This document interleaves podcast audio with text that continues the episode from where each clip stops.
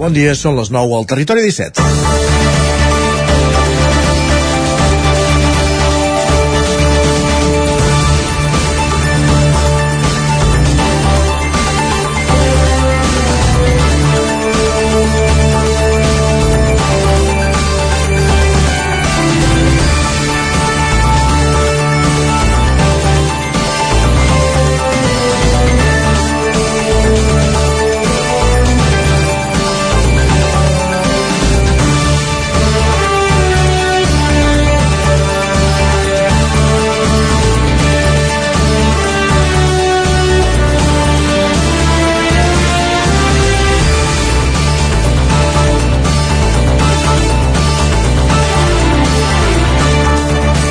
Decisió de l'equip de govern de l'Ajuntament de, de l'Ajuntament de Vic d'instal·lar càmeres de vigilància als carrers més comercials on els que s'hi registren més delictes va generar controvèrsia al darrer ple municipal.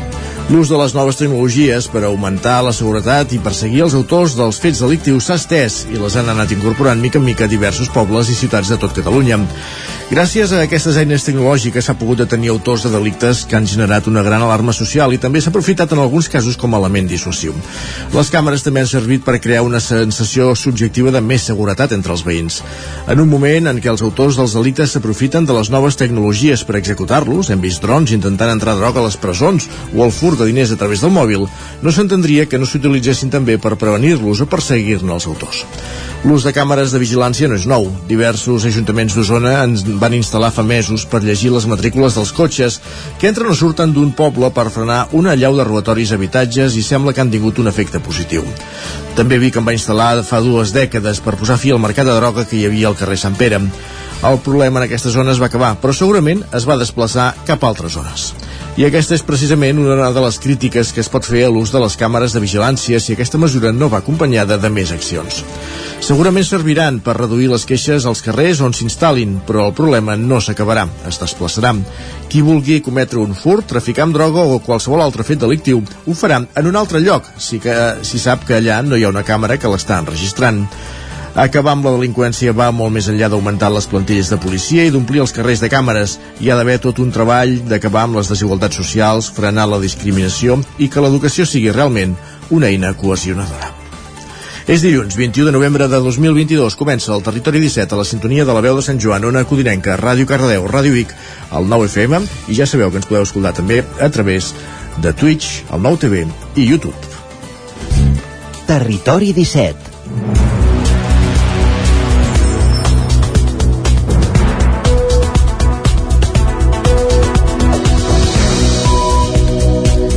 En marxa el territori 17 d'aquest dilluns 21 de novembre de 2022 quan passen 3 minuts de les 9 del matí. Us acompanyarem des d'ara i fins les 11 i tot seguit el que fem és avançar-vos al menú del dia, tots els continguts que hi haurà en aquestes dues hores de programa. Començarem en aquesta primera mitja hora posant-nos al dia amb les notícies més destacades de les nostres comarques, el Vallès Oriental, Osona, el Ripollès i el Moianès, i ho farem en connexió amb les diferents emissores del territori 17. Repassarem també la previsió del temps amb en Pep Acosta des d'Ona Codinenca i farem un cop d'ull a les portades dels diaris que trobem avui al quiosc. A dos quarts de 10 en punt, pujarem al tren, a la tren d'Alba, com cada dia amb l'Isaac Muntades, recollint les cròniques dels oferts usuaris de la línia i acte seguit ens endinsarem els solidaris amb la Laura Serrat des de Ràdio Vic, avui per parlar de la Fundació Joan Petit. L'entrevista abans de les 10 serà amb Sergi Calle, de Cineclub Vic, per parlar d'una nova edició del Festival Julius que arrenca aquest dimarts i s'allarga fins al cap de setmana quan es faran les projeccions dels diferents curtmetratges participants. Al punt de les 10 serà moment d'actualitzar-nos, de posar-nos al dia amb les notícies més destacades de les nostres comarques, repassar la previsió del temps i tot seguit conèixer quins han estat els resultats esportius a l'espai dedicat als esports, eh, conèixer els resultats del cap de setmana dels diferents equips del territori 17 en connexió amb les diferents emissores de la casa.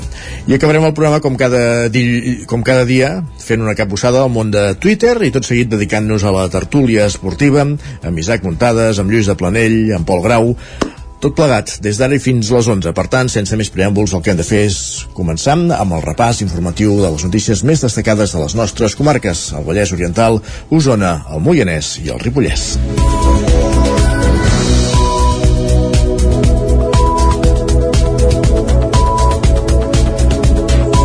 Una parella de voluntaris troba diumenge al migdia sota el salt de Sallent de Rupit el cos del veí de Manlleu que buscaven des de divendres quan va sortir a fer esport per l'entorn del castell de Rupit. Clàudia Dinarès.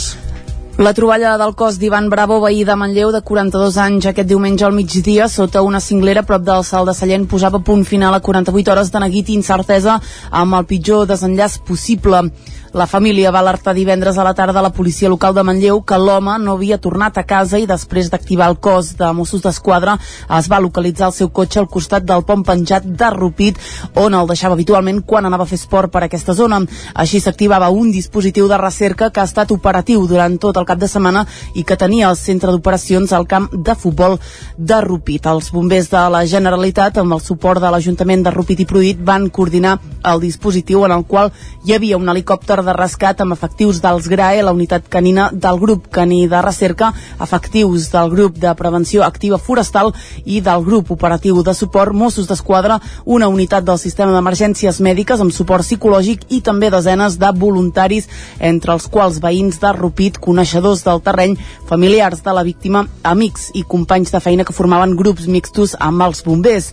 Va ser una parella de voluntaris qui diumenge pels vols de les 12 del migdia va localitzar el cos d'Ivan Bravo caminaven per una pista a la part inferior del cincle, prop del salt de Sallent, quan van veure un corriol que baixava cap a la part est del salt del camí cap al salt del Garbet. El van seguir i de seguida van veure el cos.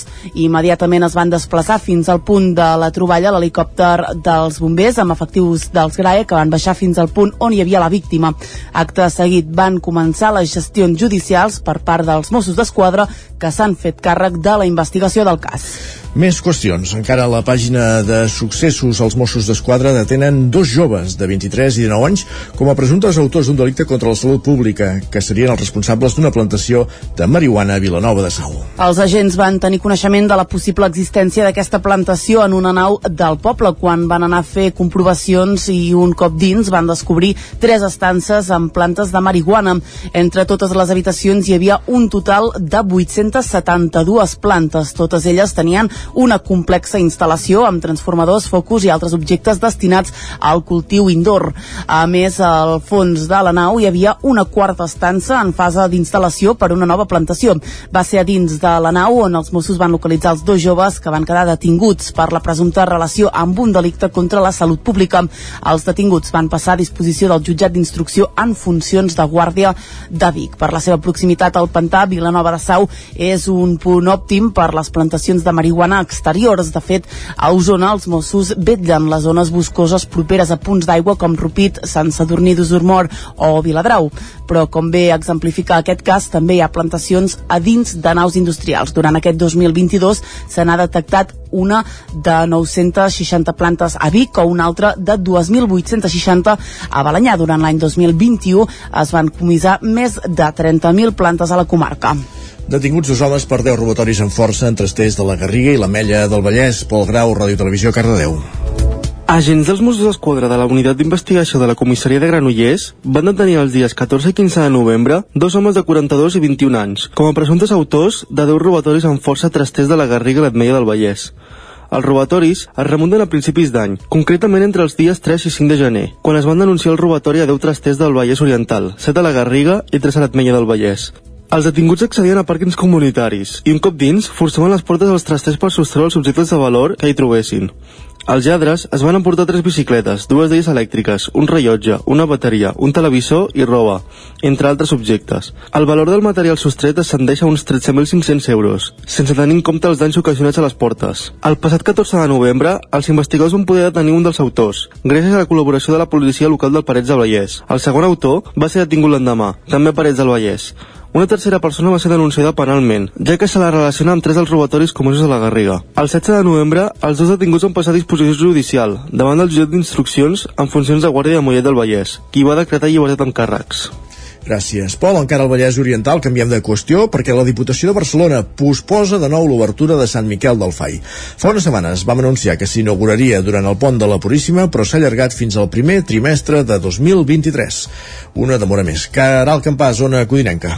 Un cop més, la Diputació de Barcelona ha anunciat que posposa l'obertura de l'espai de Sant Miquel del Fai. Fa unes setmanes s'havia posat com a data d'obertura el dia 1 de desembre, és a dir, d'aquí a dues setmanes, però finalment la Diputació apunta al primer trimestre del 2023 i més concretament al mes de març. Segons la Diputació, a dia d'avui no es pot garantir la seguretat a la zona de l'aparcament i problemes derivats de desprendiments de roques i risc d'incendis que encara no s'han resolt. Aquesta decisió afecta els tres municipis que formen part d'aquest espai. Tots tres creuen que els retards sempre són una mala notícia, ja que aquest espai és un important atractiu econòmic de la zona, però que s'ha de preservar la seguretat dels visitants. Sentim Mercè Serratacó, alcaldessa de Sant Feliu. A veure, eh, Sant Feliu, evidentment, igual que els altres, el que tenim ganes és que això s'obri i que comenci a funcionar de nou però també volem que funcioni amb totes les garanties per tothom. Nosaltres ja et dic que sí que ens agradaria que funcionés perquè tenim moltes ganes, però que sí que està clar que la seguretat abans que res. És, és una mica, sí, et dic trist perquè ens agradaria que estigués fet, però bueno, no s'hi pot fer res. Si s'obrís sense seguretat seria molt més greu perquè ens, ens exposaríem a coses que ningú vol. Per la seva banda, Joan Galiano, alcalde de Vigues i Rills del FAI, lamenta que la Diputació marqués al calendari una data que, segons ell, era inassumible. Bueno, principalment eh, l'anunci eh, penso que va ser molt precipitat per part de la Diputació de posar una data com a l'1 de desembre per obrir l'àmbit quan tots sabíem que els requisits que demanaven els informes de bombers no s'havien assolit eh, va ser una, una, per mi va ser una, una proposta que, que no tenia l'acompanyament la, necessari per poder fer aquesta apertura en condicions. A partir d'ara eh, han vist que, que realment aquell informe deia que hi havia una, un cert perill de despreniments que encara han de quedar resolts i una vegada quedin resolts doncs es podrà obrir en totes les garanties. Des de Sant Cris de Safaja, la seva alcaldessa Anna Guixà reclama que s'aprofiti aquesta prolongació del tancament per a fer les actuacions pertinents per la nidificació de l'àliga cua barrada ja que els mesos d'hivern és quan aquesta au característica de la zona fa els seus nius i es reprodueix.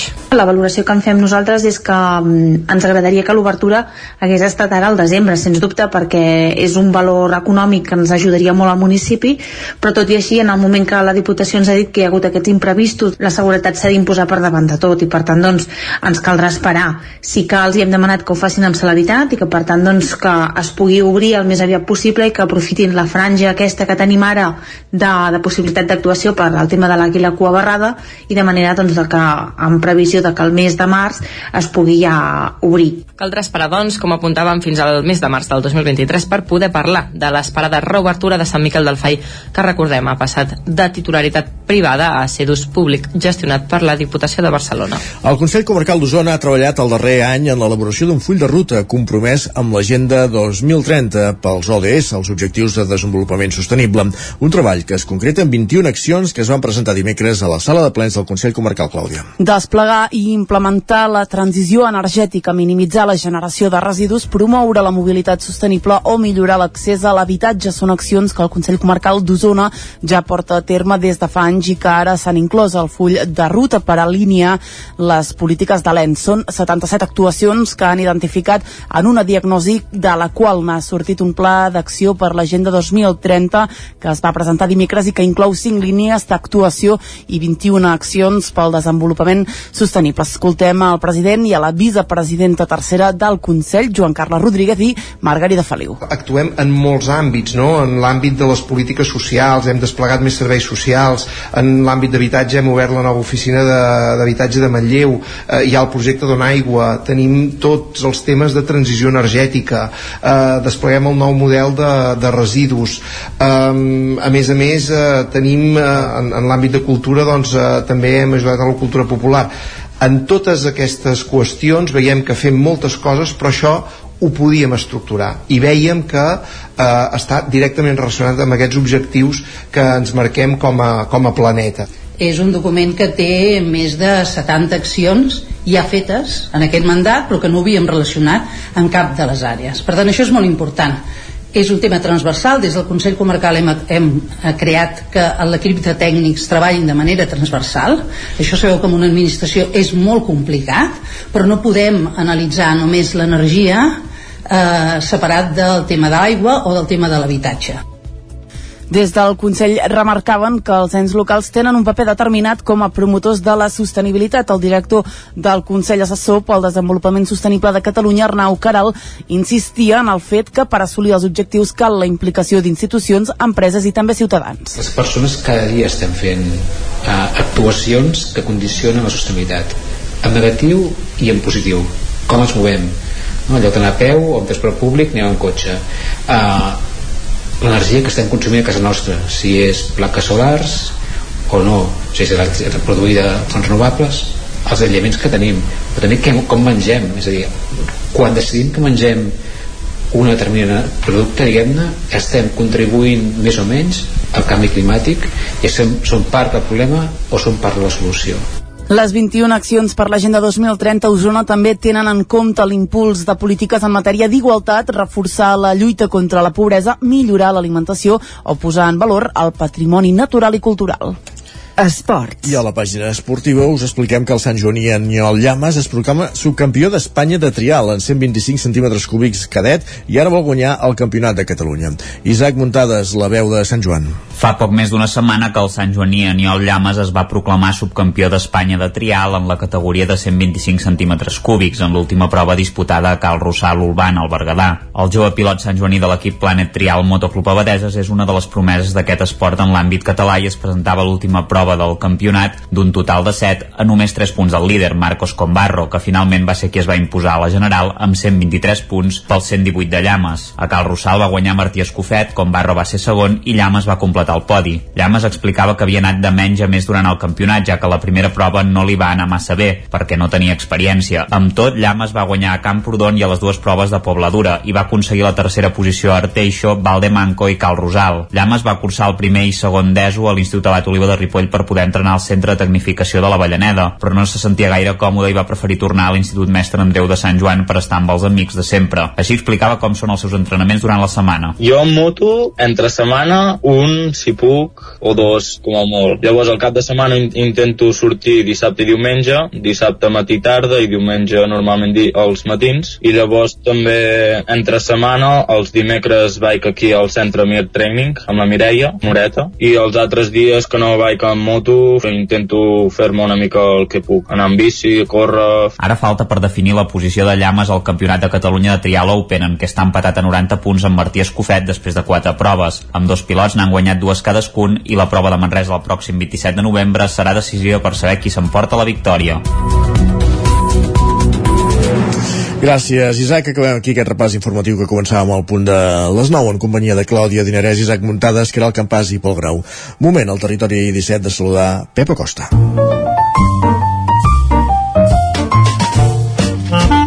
Casa Terradellos us ofereix el temps. És el nostre home del temps. Anem fins a una codinenca. Pep, bon dia.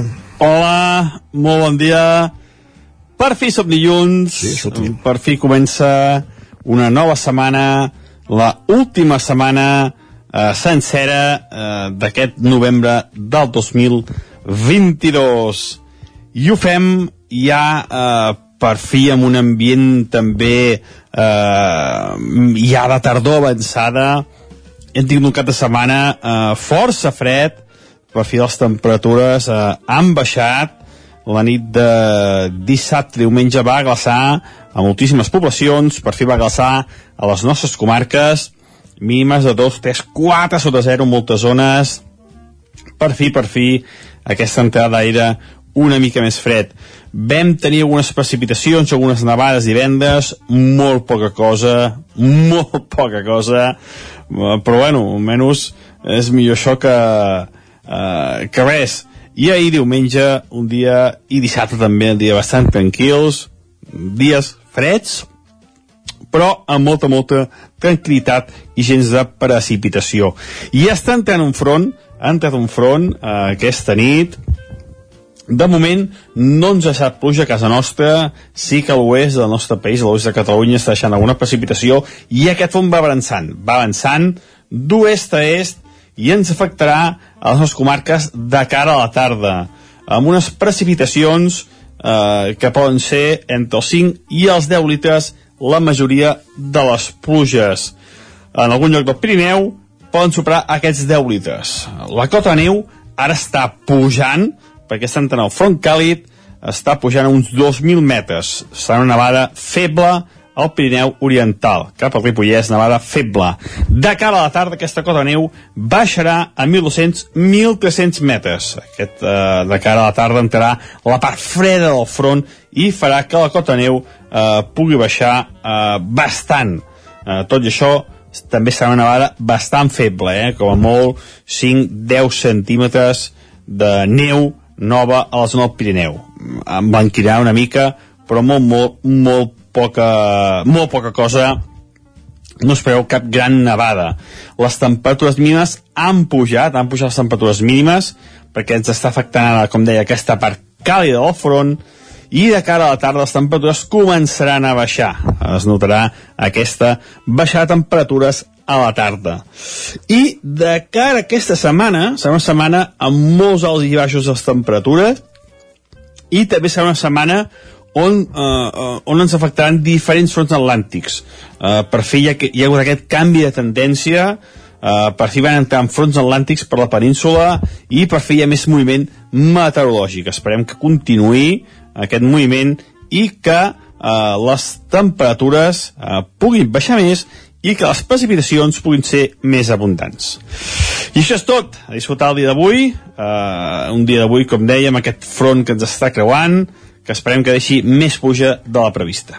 Moltes gràcies, adeu, molt bon dia. Bon dia, parlem d'aquí una estona. Gràcies, Pep. Nosaltres, ara que passen, que falten 9 minuts perquè siguin dos quarts de 10, anem cap al quiosc. Casa Tarradellas us ha ofert aquest espai. Territori 17. Envia'ns les teves notes de veu per WhatsApp al 646 079 023. 646 079 023. WhatsApp Territori 17.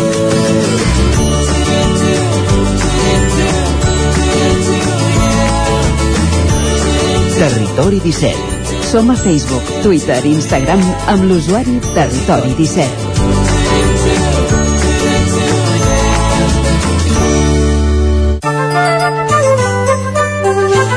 I el quiosc, com cada dia, ja ho sabeu, el que fem és recollir, repassar les portades dels diaris que, que s'editen cada dia, i avui, com que és dilluns, Clàudio, comencem per les portades del 9-9. Exactament, bon dia. De nou comencem concretament per l'edició d'Osona i el Ripollès, que diu la majoria d'ajuntaments no apugen l'IBI, tot i l'increment dels costos energètics i les puges salarials. És el cas de Manlleu, Torelló, Centelles o Taradell, mentre que Vic, Ripoll, Tona o Can de Bànol diuen que no hi ha alternativa a la imatge murals de carrer que es fan mirar. Eh, es tracta d'un dels murals que hi ha eh, aquests dies a Sant Julià de Vilartorta en el marc de la iniciativa Artimur.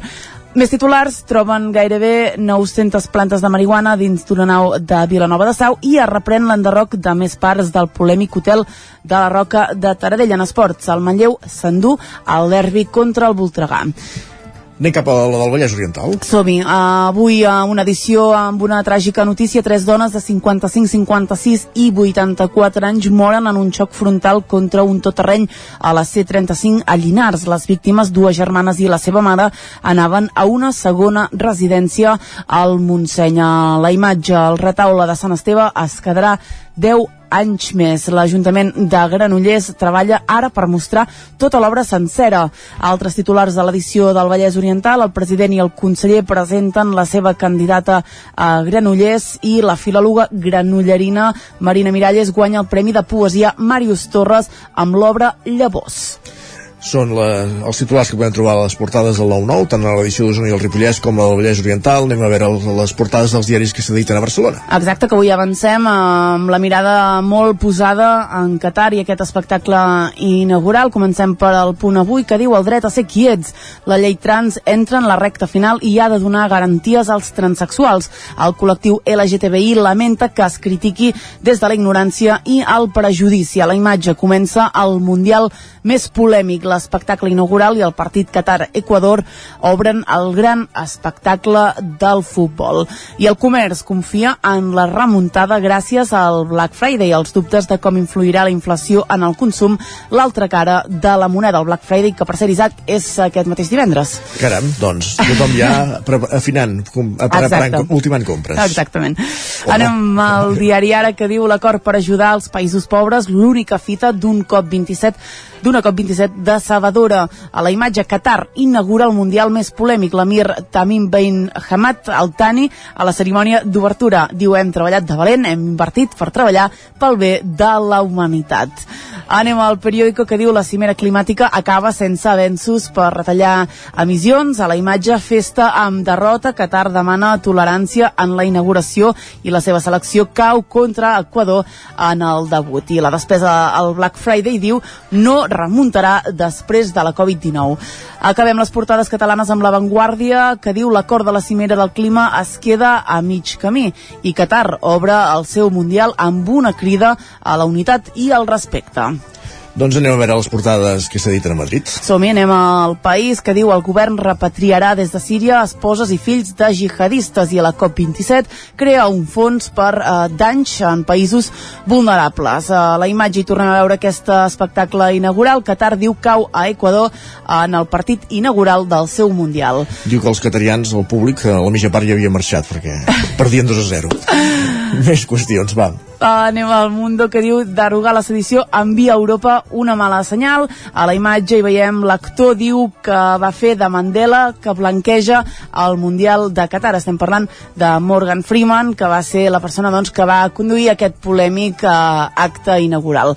Avancem cap a la raó que diu el 52,8% dels encastats creuen que Montero hauria de, dimi de dimitir. I a la imatge diu mana el futbol. Qatar inaugura el seu Mundial amb una crida a la unitat en una breu cerimònia. Equador, per la seva banda, s'imposa a l'anfitrió en el primer partit d'aquest Mundial. I alerta Puigdemont diu usarà la fi de la sedició per tombar el suplicatori. És l'única portada on veiem el nom de Carles Puigdemont. Carai. I acabem ràpidament amb l'ABC que diu una cerimònia neutra obre al Mundial de Qatar, picades d'ullet a la història d'aquests tornejos en l'espectacle previ a la derrota dels anfitrions davant Equador. Una cerimònia neutra. Ens quedem amb Correcte. aquest Gràcies, Clàudia. Fins ara. Fins ara. Fem una petita pausa i tornem d'aquí 3 minuts amb la resta de continguts del dia aquí al Territori 17. El nou FM, la ràdio de casa, al 92.8. Amb Pradell estalvio energia i cuido la meva butxaca i el medi ambient. Posa't en mans a Pradell, són experts en calderes de gas i condensació, estufes de pèl·let, energia solar, terres radiants i geotèrmia. Pradell instal·la calderes de biomassa per a particulars i per a empreses. Si vols estalviar un 50% en consum, contacta amb Pradell i passa't a les energies renovables. Pradell som a l'Avinguda Països Catalans 27 de Vic. Telèfon 93 885 1197. Pradell.cat. Has esperat que arribi el fred per comprovar si et funciona bé la caldera? No pateixis, a Casa Jové som especialistes en manteniment, reparació i revisió d'equips d'aigua calenta i calefacció, tant en l'ambient domèstic com industrial. Si tens una avaria, no ho dubtis, som Casa Jové. Ens trobaràs al carrer Girona, número 9 de Vic, i al telèfon 93 886 1596. Casa Jové, el teu servei tècnic de confiança. Cobertes serveis funeraris els nostres tanatoris estan ubicats en els nuclis urbans més poblats de la comarca d'Osona per oferir un millor servei. Tanatori de Vic, Tanatori de Manlleu, Tanatori de Centelles i Tanatori de Roda de Ter. Sabem que són moments difícils i per això el nostre compromís és atendre-us en tot moment amb un tracte humà, sensible i respectuós. Cobertes serveis funeraris. Telèfon 24 hores 93 883 23 46. Al mirador del Puigsecalm hi trobareu un espai agradable amb la mirada posada en la gent gran, enmig de la natura, a només 15 minuts de la vall del Gès. Busquem oferir la millor atenció personalitzada per a tots els nostres usuaris, tot des d'un lloc privilegiat al cor de la vall d'en Bas, amb vistes al Puigsecalm. Residència al Mirador del Puigsecalm, un capital humà al servei de les persones. Trobareu tota la informació a miradorpuigsecalm.cat. Fa dos anys, el nostre món es va buidar. I avui els plats de moltes famílies segueixen buits. Per això aquest any tornem a omplir-los. Tornem a omplir el rebost de qui més ho necessita. El 25 i 26 de novembre torna el Gran Recapte. Tornem a omplir les caixes de solidaritat. Dona aliments o fes un donatiu a granrecapte.com. Ajudar a omplir. Cocodril Club. Si t'agrada la bona música dels anys 60, 70 i 80, escolta el 9 FM als matins de dissabtes i diumenges d'11 a 1. És el temps del Cocodril Club, tot un clàssic de la ràdio, amb les bases del pop-rock, les llegendes, les cançons que s'han convertit en autèntics himnes. Recorda, dissabtes i diumenges al matí, d'11 a 1, al 9 FM 92.8. Cocodril Club, el programa revival de l'Albert Malla. Hasta luego, cocodrilo. El 9 FM, el 9 FM, el 9 FM, el 9 FM, el 9 FM. Territori 17.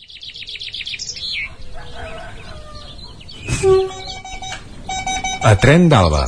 Cada dia els usuaris i usuàries de la línia R3 de Rodalies que veuen sortir el sol des d'un vagó ens expliquen les gràcies i les penes del primer comboi que uneix Ripoll i Barcelona o les feixugues jornades amb el tren després de treballar.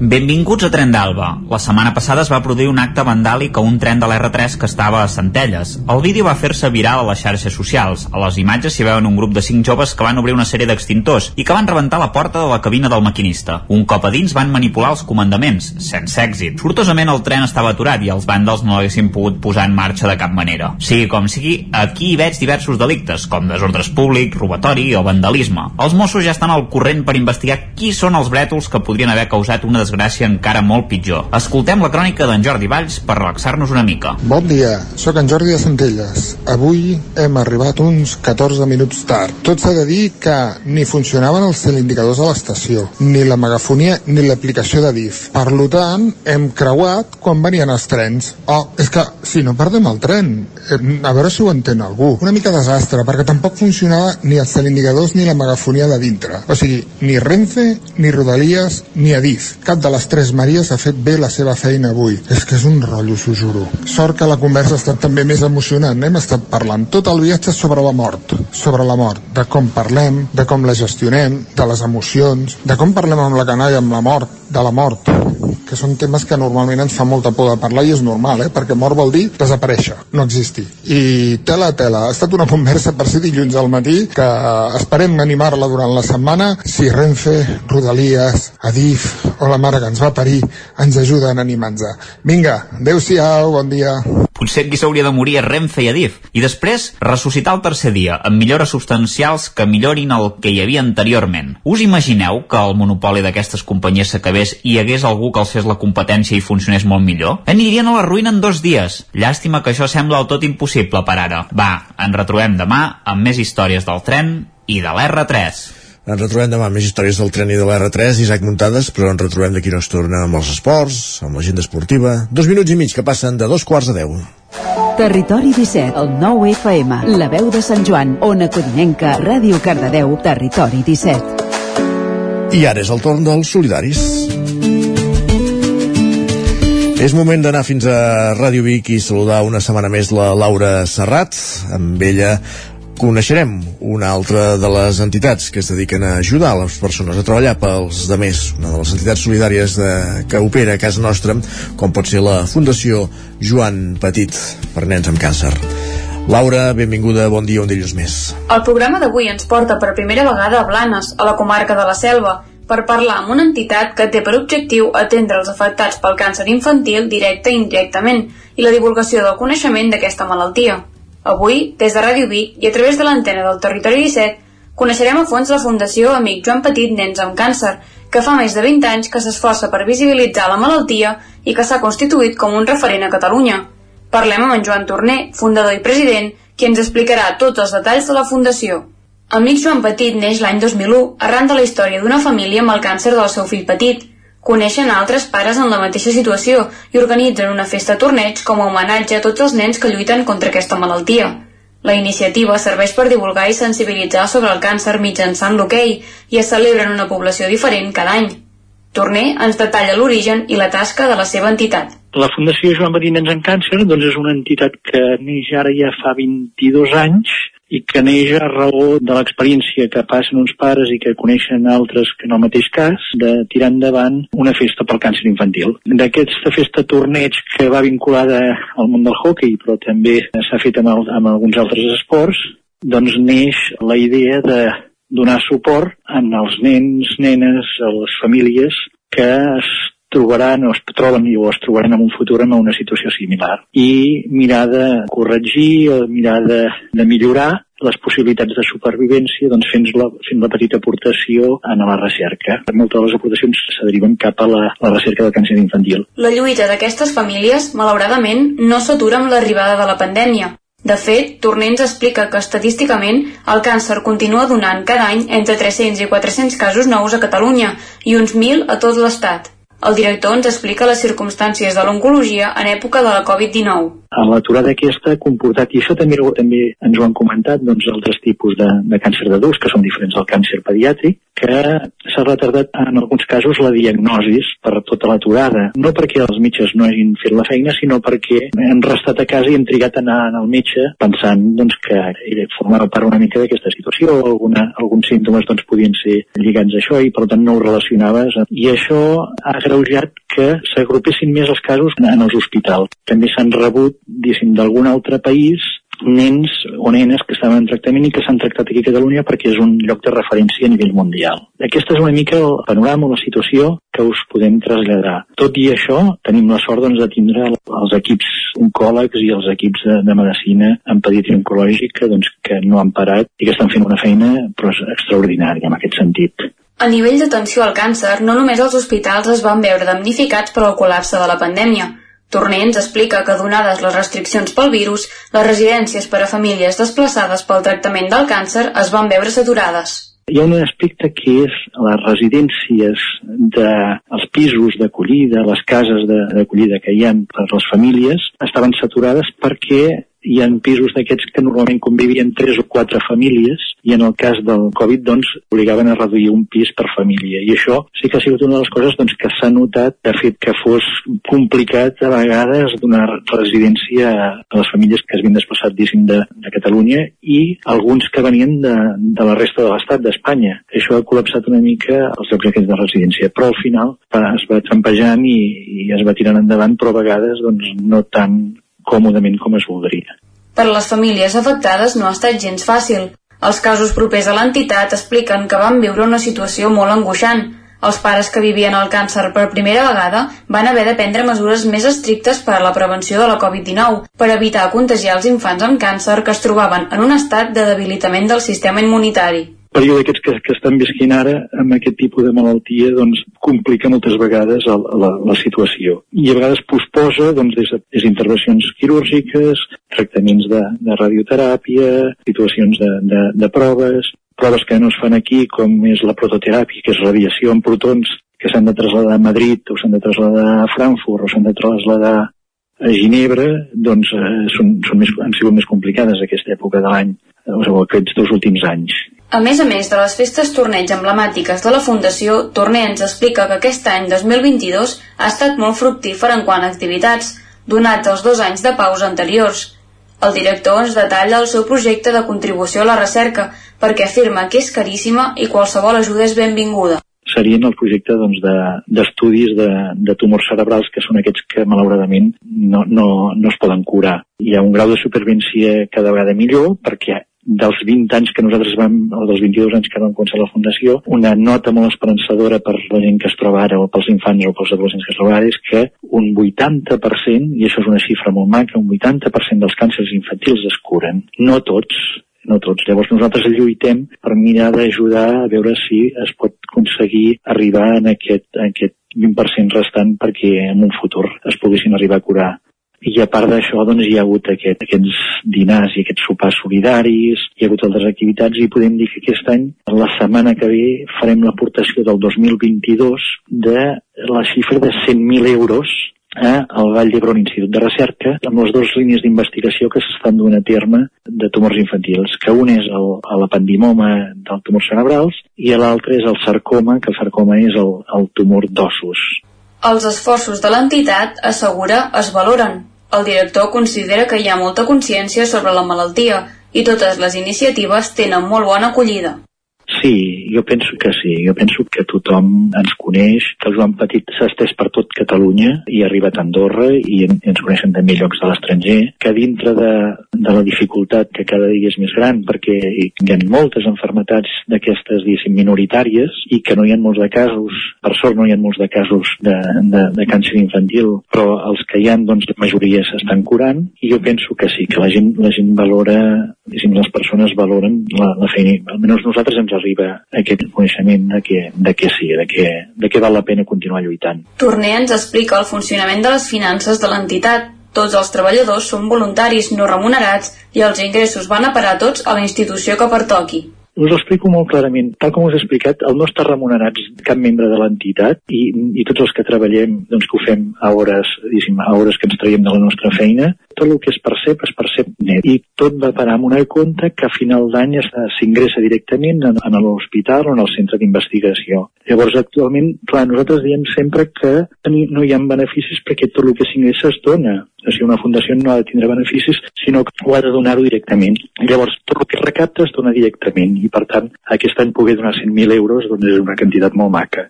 L'entitat afirma que si poguessin demanar una cosa, en termes monetaris o d'ajuts, demanarien una estructura més professional i poder tenir una dedicació completa a la seva tasca, ja que tots els voluntaris col·laboren en les seves estones lliures. Torner ens parla d'altres objectius de futur. A vegades exigim els, els metges, els exigim que ens curin, però sabem doncs, que les seves, els seus recursos són limitats o a vegades a nivell econòmic doncs, eh, estem malgastant els diners en altres coses quan ens agradaria doncs, que, que aquesta part doncs, quedés ja quedés coberta no per nosaltres sinó per la mateixa administració.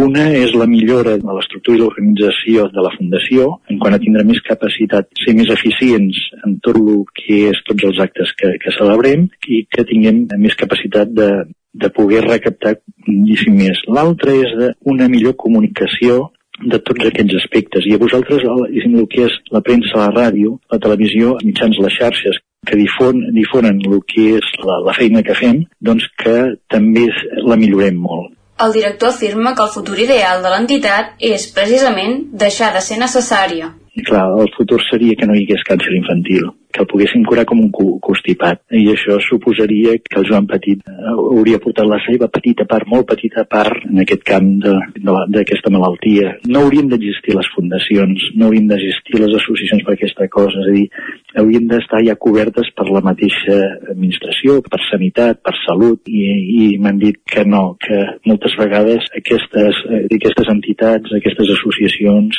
són les que donen més resposta a les necessitats que tenen ells. És segur que l'acció d'entitats com la Fundació Amic Joan Petit Nens amb Càncer és essencial per l'acompanyament dels infants i les famílies que comparteixen adversari. Segur, així és. Moltíssimes gràcies, Laura Serrat. Una setmana més als Solidaris per avui acostar-nos la realitat de la Fundació Joan Petit Nens amb Càncer. Avancem al territori 17. Quan falten dos minuts i mig perquè siguin tres quarts de deu, eh, anem cap a l'entrevista.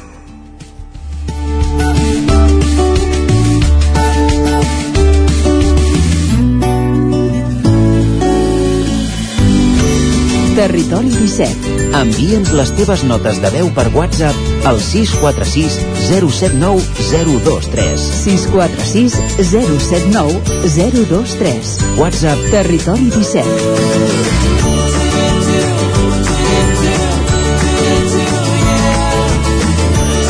Territori 17. Som a Facebook, Twitter i Instagram amb l'usuari Territori 17.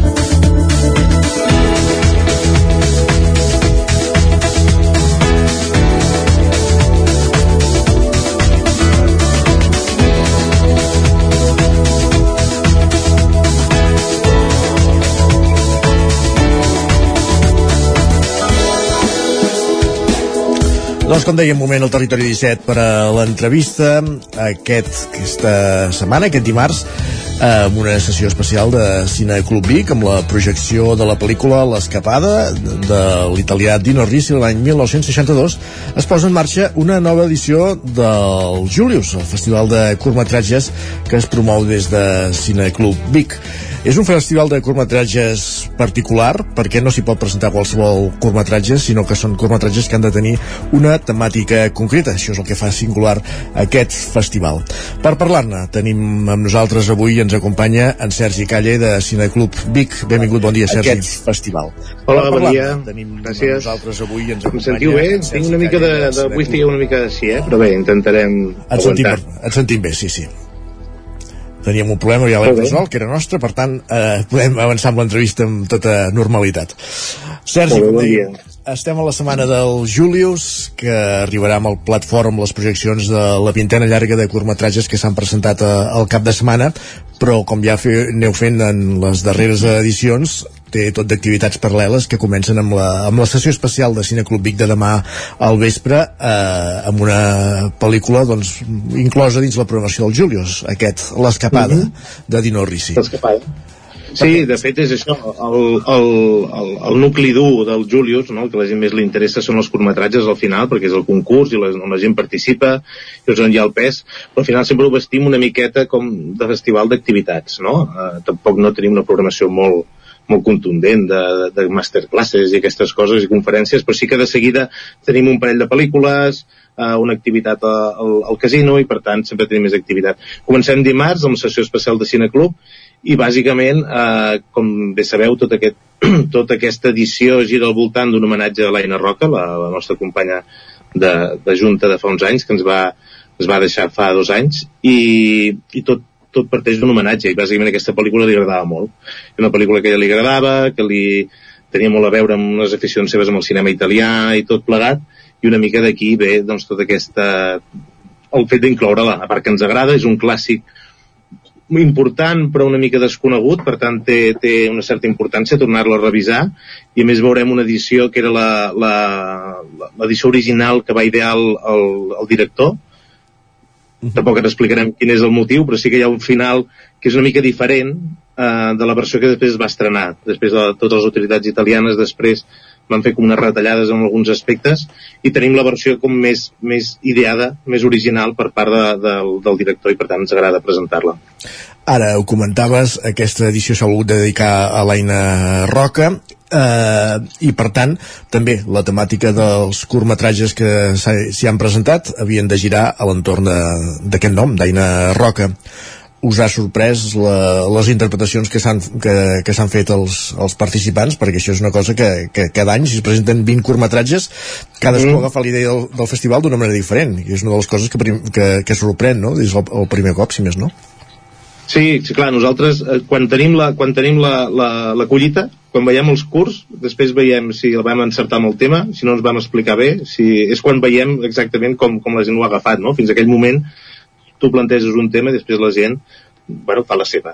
Uh, de fet, el, el, sí que era un homenatge a l'Aina Roca, però al final hi havia un text, un text que ell havia escrit, que es deia Carrer Nou, el temps dels marges, i que al final era un tema que algú que no conegués l'entitat, algú que no conegués l'Aina, algú que no tingués un vincle estret amb, amb nosaltres, podia agafar aquell text i adaptar-lo, perquè és un text que parla una mica de, de l'evolució de les ciutats, en principi, i després va derivant en, en una mica doncs, com la, la, la gent que es queda al marge i com després la ciutat assumeix aquests marges i com els, els, els inclou dins de la seva des de la seva organització i, i què segueix quedant al marge. Hi havia com un aquest leitmotiv de la dona, les dones també són marge.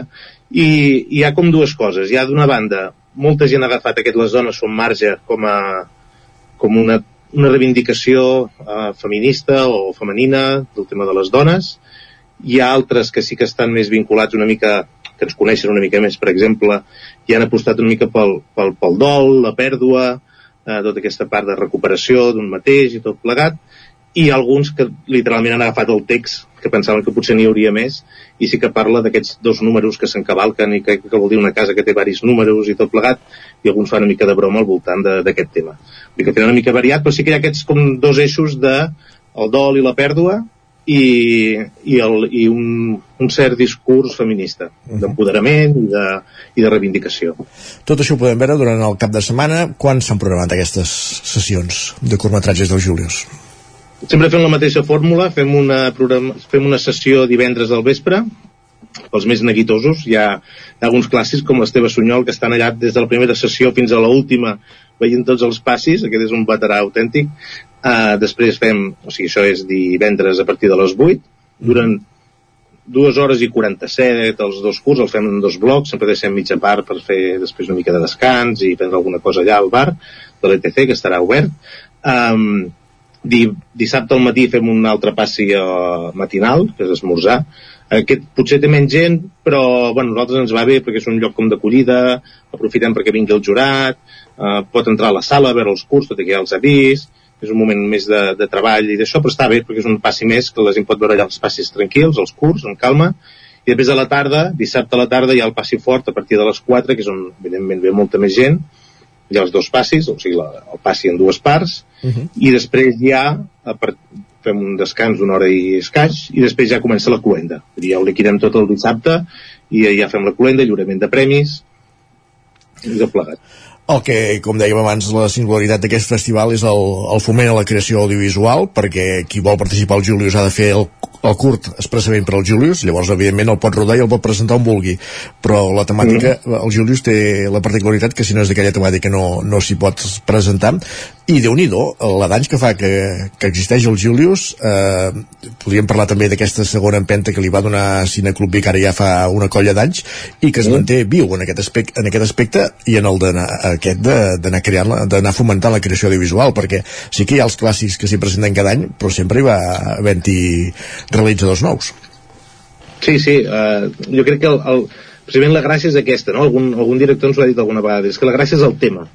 Fet de, tu pots presentar, fes un tema, fes un curt per aquest festival, o sigui, com m'hi poso, però el fet de tenir el tema, eh, ja, bueno, ja, ja els hi va fer ballar el cap, ho faré, ho faré cap aquí, ho faré cap allà, tot i que evidentment tenen un any per fer-ho i van, els tempos no, la gent fa com pot, no?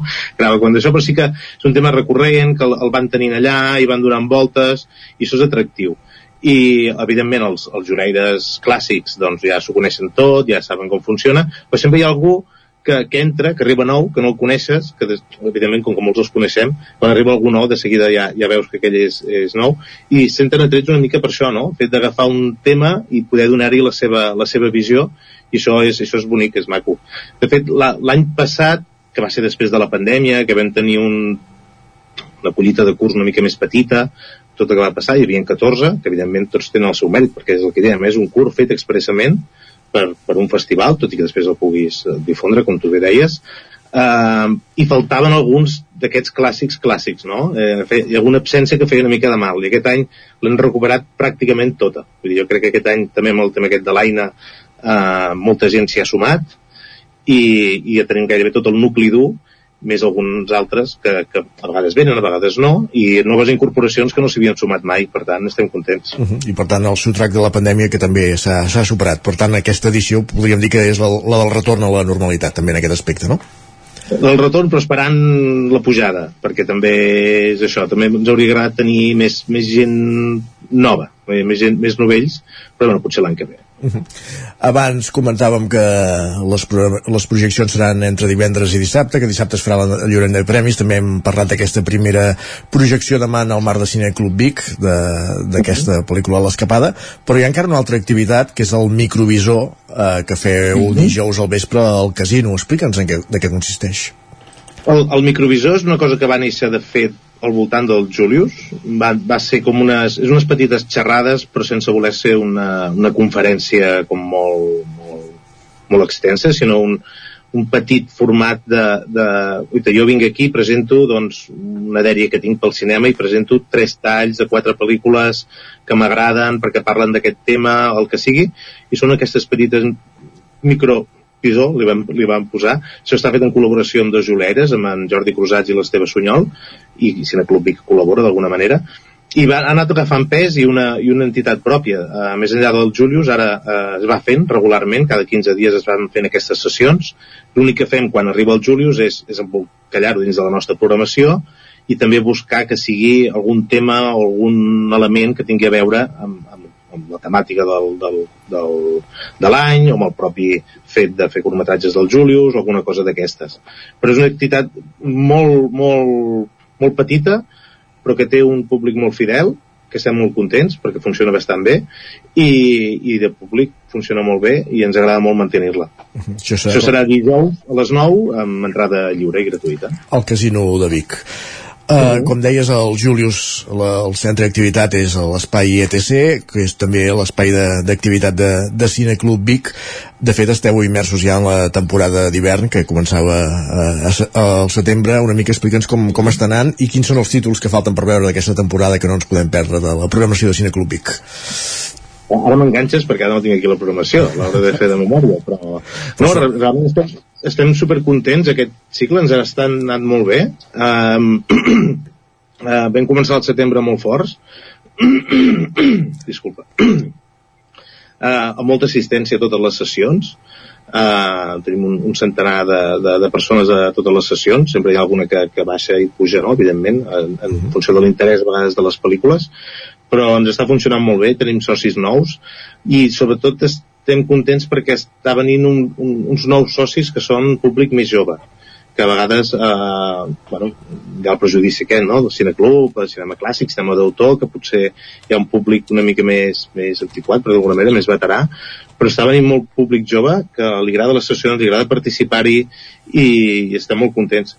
I realment això, les sessions ens funcionen molt bé, i, i totes, eh? a vegades fins i tot alguna sorpresa, eh? alguna pel·lícula que, que diríem, bueno, aquesta ja veurem, perquè pel que sigui, perquè nosaltres a vegades programem a tres mesos vista, i en aquest temps aquella pel·lícula ha entrat a filming, i diem, ja està, ja no vindrà ningú, perquè la gent ja l'ha vist, i de cop et sorprèn que, que tens la sala plena, i és un gaudi poder, poder fer les pel·lícules així. I també el Cineclub Xic, que hem fet una forta difusió, el Cineclub Xic estava fortament consolidat, però en els últims anys jo crec que hi va haver com un, un canvi generacional, eh, nens i nenes que estaven acostumats a venir cada setmana s'han fet potser grans i ens faltava agafar un- una altra vegada el públic més, més, més xic, valga la redundància, i els últims cicles potser havia estat una mica més apagadet, i ara han fet forta difusió amb les escoles i això, i tornem a tenir la sala molt plena, que és, que és també oh, doncs, tot un plaer. Ara que comentaves el tema de les plataformes, eh, per exemple, a Vic, de la pandèmia cap aquí, no s'ha reobert una sala històrica, com és el, el cinema biguetà. Segurament té a veure amb el fet que, que les sales de cinema comercial no s'omplen com s'omplien abans i, i, i algun dels efectes pot venir de, de les plataformes. Les plataformes ara, eh, estan afectant també el, el cine, les programacions de cineclub, consideres? Ara ens comentaves, ens posaves aquest exemple de que, que, que a vegades us sorprèn en positiu que no sigui així, precisament, no? No, però sí que és veritat que quan alguns ho, ens ho ha comentat però és que això, a vegades quan dius, "Bueno, quanta gent t'ho ha comentat? T'ho ha comentat dues o tres, no? no? A vegades et, et, et fa ballar molt al cap i potser ha estat un sol comentari. Però sí que a vegades hem tingut algun comentari de dir, uh, on dia, d'aquesta programació n'hi ha tres o quatre que, que potser ja les he vist a Filmin, no hi són, o a Filmin, o, o a vegades Amazon Prime, o altres plataformes, ara n'hi ha moltes. I, i, i a vegades sí que es nota quan tu aconsegueixes una pel·lícula que és una mica més inèdita, una mica més especial, la gent sí que, sí que hi ha més públic. I a vegades també et sorprèn pel·lícules que ja són en una plataforma, però que la gent també té l'interès de veure en pantalla gran, no? Entenc que allò és una mica més especial i, i tot i que la pugui veure aquell mateix dia a alguna plataforma, doncs ve a veure allà al cinema. Recordo l'any, el cicle passat, per exemple, vam fer Titan, que una pel·li arriscada, que havia guanyat a Cannes, una pel·li arriscada a nivell de cineclub de, de, bueno, per la temàtica i el format que té, no? I aquella pel·lícula estava a plataformes i va venir molta gent perquè la volia veure en pantalla gran i volia aprofitar una mica més eh, aquesta experiència més immersiva de veure-la en una sala. Sergi Calle de Cineclub Vic, hem començat parlant del Julius que se celebra aquesta setmana, que arriba a les projeccions d'aquests curtmetratges entre divendres i dissabte i hem acabat parlant de, de programacions de, de cinema d'autor, de cinema de les sales de, de Cineclub, com és el cas de, de Cineclub Vic. Moltíssimes gràcies un, una vegada més per ser amb nosaltres i sort amb aquest festival també. A vosaltres us esperem, sobretot el cap de setmana, per tota la setmana esteu convidats a venir a tot el que vulgueu. Gràcies. Gràcies, bon dia. I arribem al punt de les 10 com cada dia en música, el llamp, una cançó del cantautor del Lluçanès, Ferran Oriols, el que va ser el cantant del Gendu. Les conques emplenant-se enmig d'un prat daurat per sobre per sota.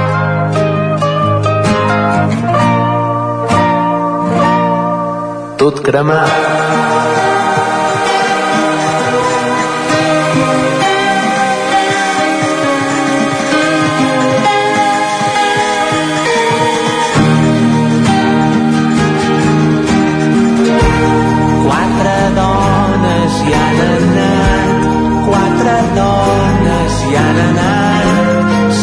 per veure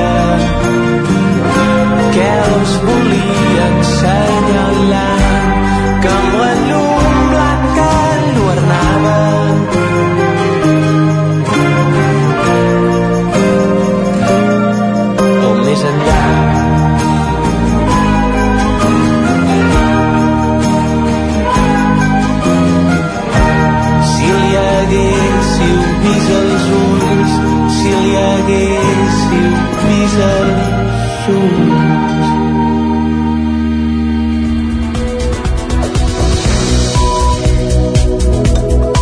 posar-nos al dia d'actualitzar-nos amb les notícies més destacades de les nostres comarques, el Vallès Oriental, l'Osona, el Ripollès i el Moianès, i ho fem en connexió amb les diferents emissores que dia a dia fan possible aquest programa, que no són altres que la veu de Sant Joan, on Codinenca, Ràdio Cardedeu, Ràdio Vic, el 9 FM, també ens podeu veure a través del 9 TV, Twitch i YouTube.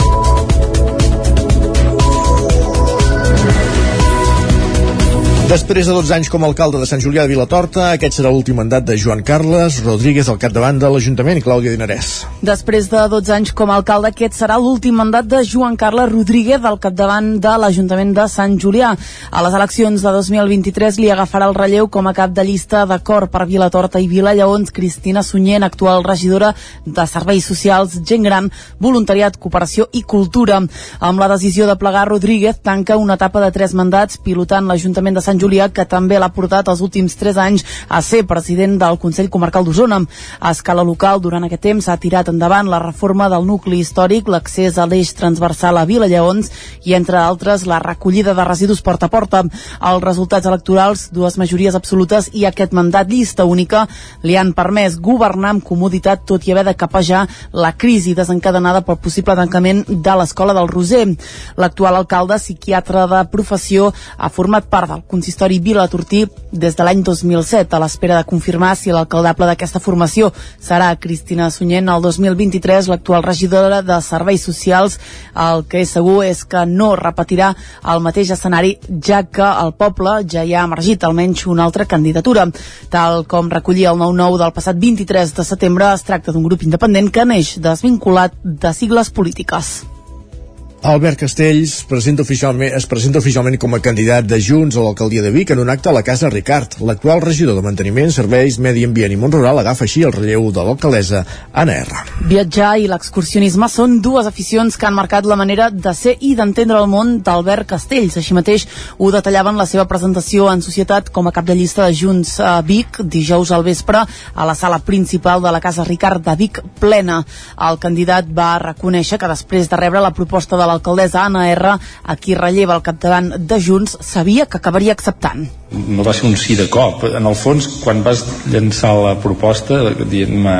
Eh, mira, doncs crec que series un bon candidat i, i tots els teus companys ho creuen també en aquell moment em va caure una mica una muntanya a sobre no? perquè sabia que si em venia la pregunta d'un repte així no, no podria dir que no sabia des del primer segon que, que allò seria un sí però saps que vaig dir no de cap manera i que vam estar uns quants dies conversant tot i que en el fons sabia que, que això estava fet no? Durant la presentació, Anna R, que el va incorporar al seu equip fa gairebé 4 anys, va descriure Castells com una persona treballadora i perseverant. És una persona molt exigent, perseverant, no deixa mai, no accepta els nos, eh? ell sempre tira endavant, no deixa mai de treballar i si més no el seu telèfon sempre, sempre bull, però també és d'una manera que és una persona, diguem-ne, que eh, molt discreta, però també sap escoltar molt. I és aquell valor tan important en política que és saber escoltar i llavors si cas prendre decisions, però sobretot escoltar i escoltar la gent, escoltar-vos a, a vosaltres. Castells també va desgranar alguns projectes de futur i va fer referència a un àmbit dels que generen més preocupació a la seguretat. La nostra democràcia, i així ho demana tota la ciutadania, s'ha de dotar de les eines per tenir tolerància zero amb les conductes delinqüencials i incíviques. Volem seguir treballant per una ciutat on qui la fa, la paga. Qui es passi de la ratlla, la pagui. Qui abusi del sistema, xoqui contra el sistema. Des de Vic vull treballar fermament per incidir en les polítiques de les administracions superiors per buscar suports i canvis normatius per aconseguir un sistema social i judicial més just. El candidat a l'alcaldia de Vic per Junts, que va recordar els seus orígens al barri del Remei, va assegurar que la feina d'aquests anys com a regidor de manteniment i serveis medi i món rural l'ha permès entendre la ciutat, un bagatge que se suma al que ha agafat al llarg dels anys a través de l'associacionisme i l'esport de la ciutat. I sorpresa en veure passar pel mig de ceba les restes d'un helicòpter d'atac soviètic dels anys 80. Es creu que és part d'un fuselatge d'un milmí o un Kamov. Divendres al voltant de les 3 del migdia, Gil Vilarrassa, veí de Ceba, va alertar de la presència d'un camió que transportava les restes d'algun aparell volador. Vilarrassa va demanar a través de les xarxes si algú sabia de què es tractava. L'usuari Flight Radatcat, un compte dedicat a informar sobre el trànsit aèri a Catalunya, ha explicat que es tractava del fuselatge d'un Milmi o un Kamov soviètic, un helicòpter d'atac soviètic que s'havia fet servir durant la dècada dels 80. Més qüestions, Sant Feliu de Codines acollirà l'assemblea anual de la Federació d'Entitats Excursionistes de Catalunya, la FEC, aquest dissabte. Caral Campàs, Ona Codinenca. La Federació d'Entitats Excursionistes de Catalunya ha escollit enguany Sant Feliu de Codines com a població per a celebrar-hi la seva assemblea general extraordinària que tindrà lloc el proper dia 26 de novembre. Ramon Puig és membre del Centre Excursionista de Sant Feliu, entitat anfitriona de l'esdeveniment, i ens n'explica els detalls. És un acte de gestió de, de la pròpia assemblea on convoquen a, tot, a totes les entitats excursionistes del país i consisteix en això, en un acte protocolari de benvinguda i després la reunió pròpia de gestió que, que toca en aquell moment. I és un acte molt intern, molt intern de, d'entitats on es parla la, el tema tècnic i burocràtic i administratiu de la pròpia federació. Puig explica per quins motius és important pel poble i per l'entitat la celebració d'aquesta Assemblea Nacional. I per què ho fem aquí a Sant Feliu?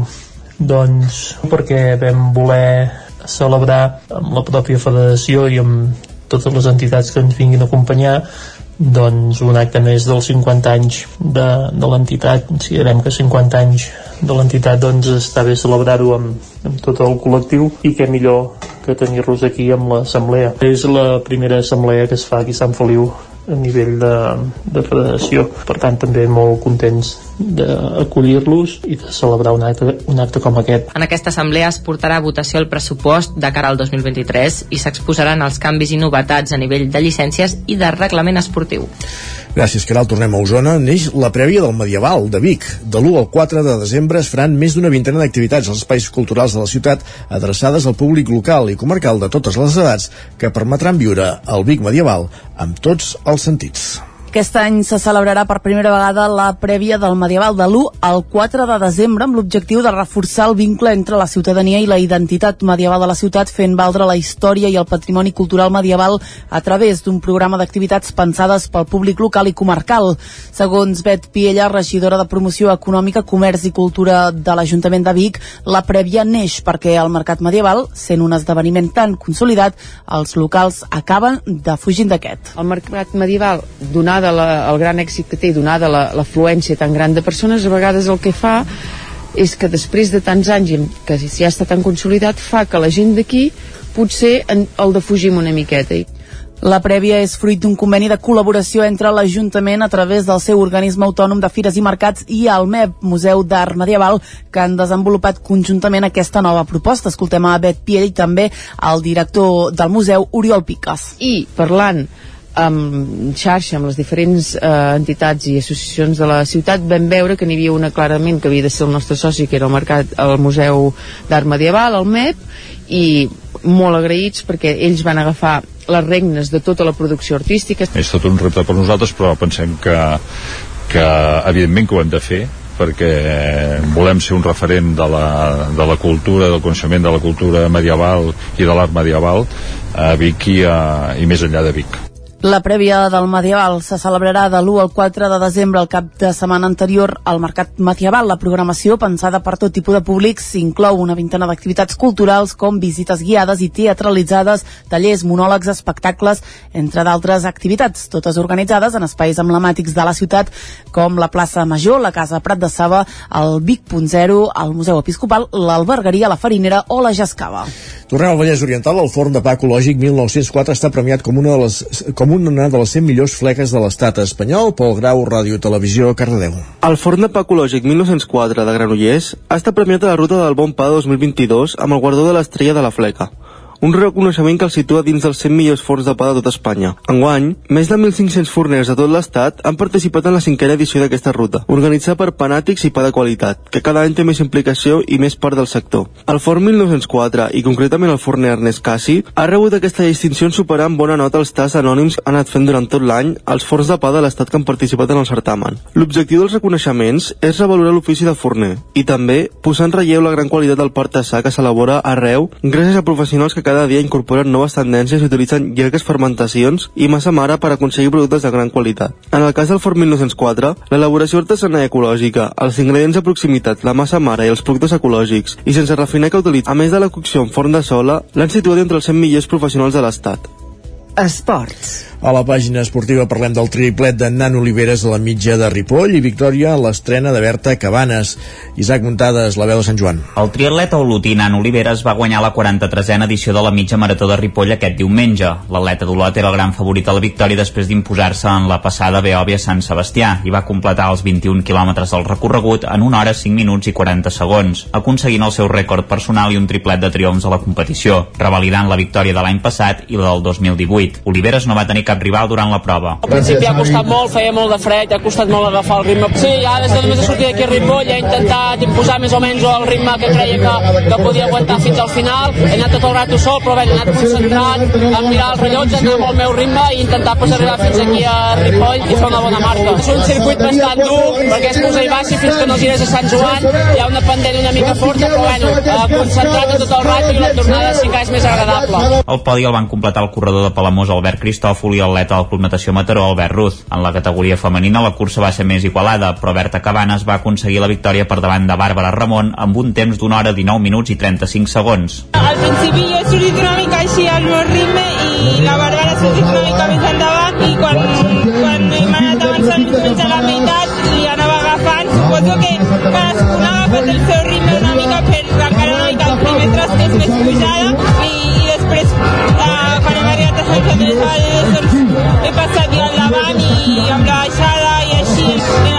anat guanyant-li una Judit Pujol va ser la tercera classificada. A la cursa contra Guifre de 10 quilòmetres es va imposar Marc Guàrdia per davant del corredor local Aleix Fàbregas. Álvaro Rance va ser el tercer classificat. En la categoria femenina va vèncer Sílvia Segura, que va ser novena a la general. Vanessa Verdaguer i Toma Balé Caite van completar el podi. Ot Gómez va ser el més ràpid a la cursa Bressol de Catalunya de 5 quilòmetres. Poc després van arribar Omar Palma i Roc Codina respectivament. La classificació femenina la va dominar Paula Bautista per davant de Susana Cabratosa i Núria Selva. La prova va comptar amb la participació d'uns 600 atletes entre les tres proves, una de les millors dels darrers anys i superant en una setantena de corredors la de l'any passat. El regidor d'Esport, Josep Isern, també es va mostrar satisfet per la participació d'una vuitantena de nens d'entre 4 i 14 anys a les curses infantils del dissabte a la Devesa del Pla.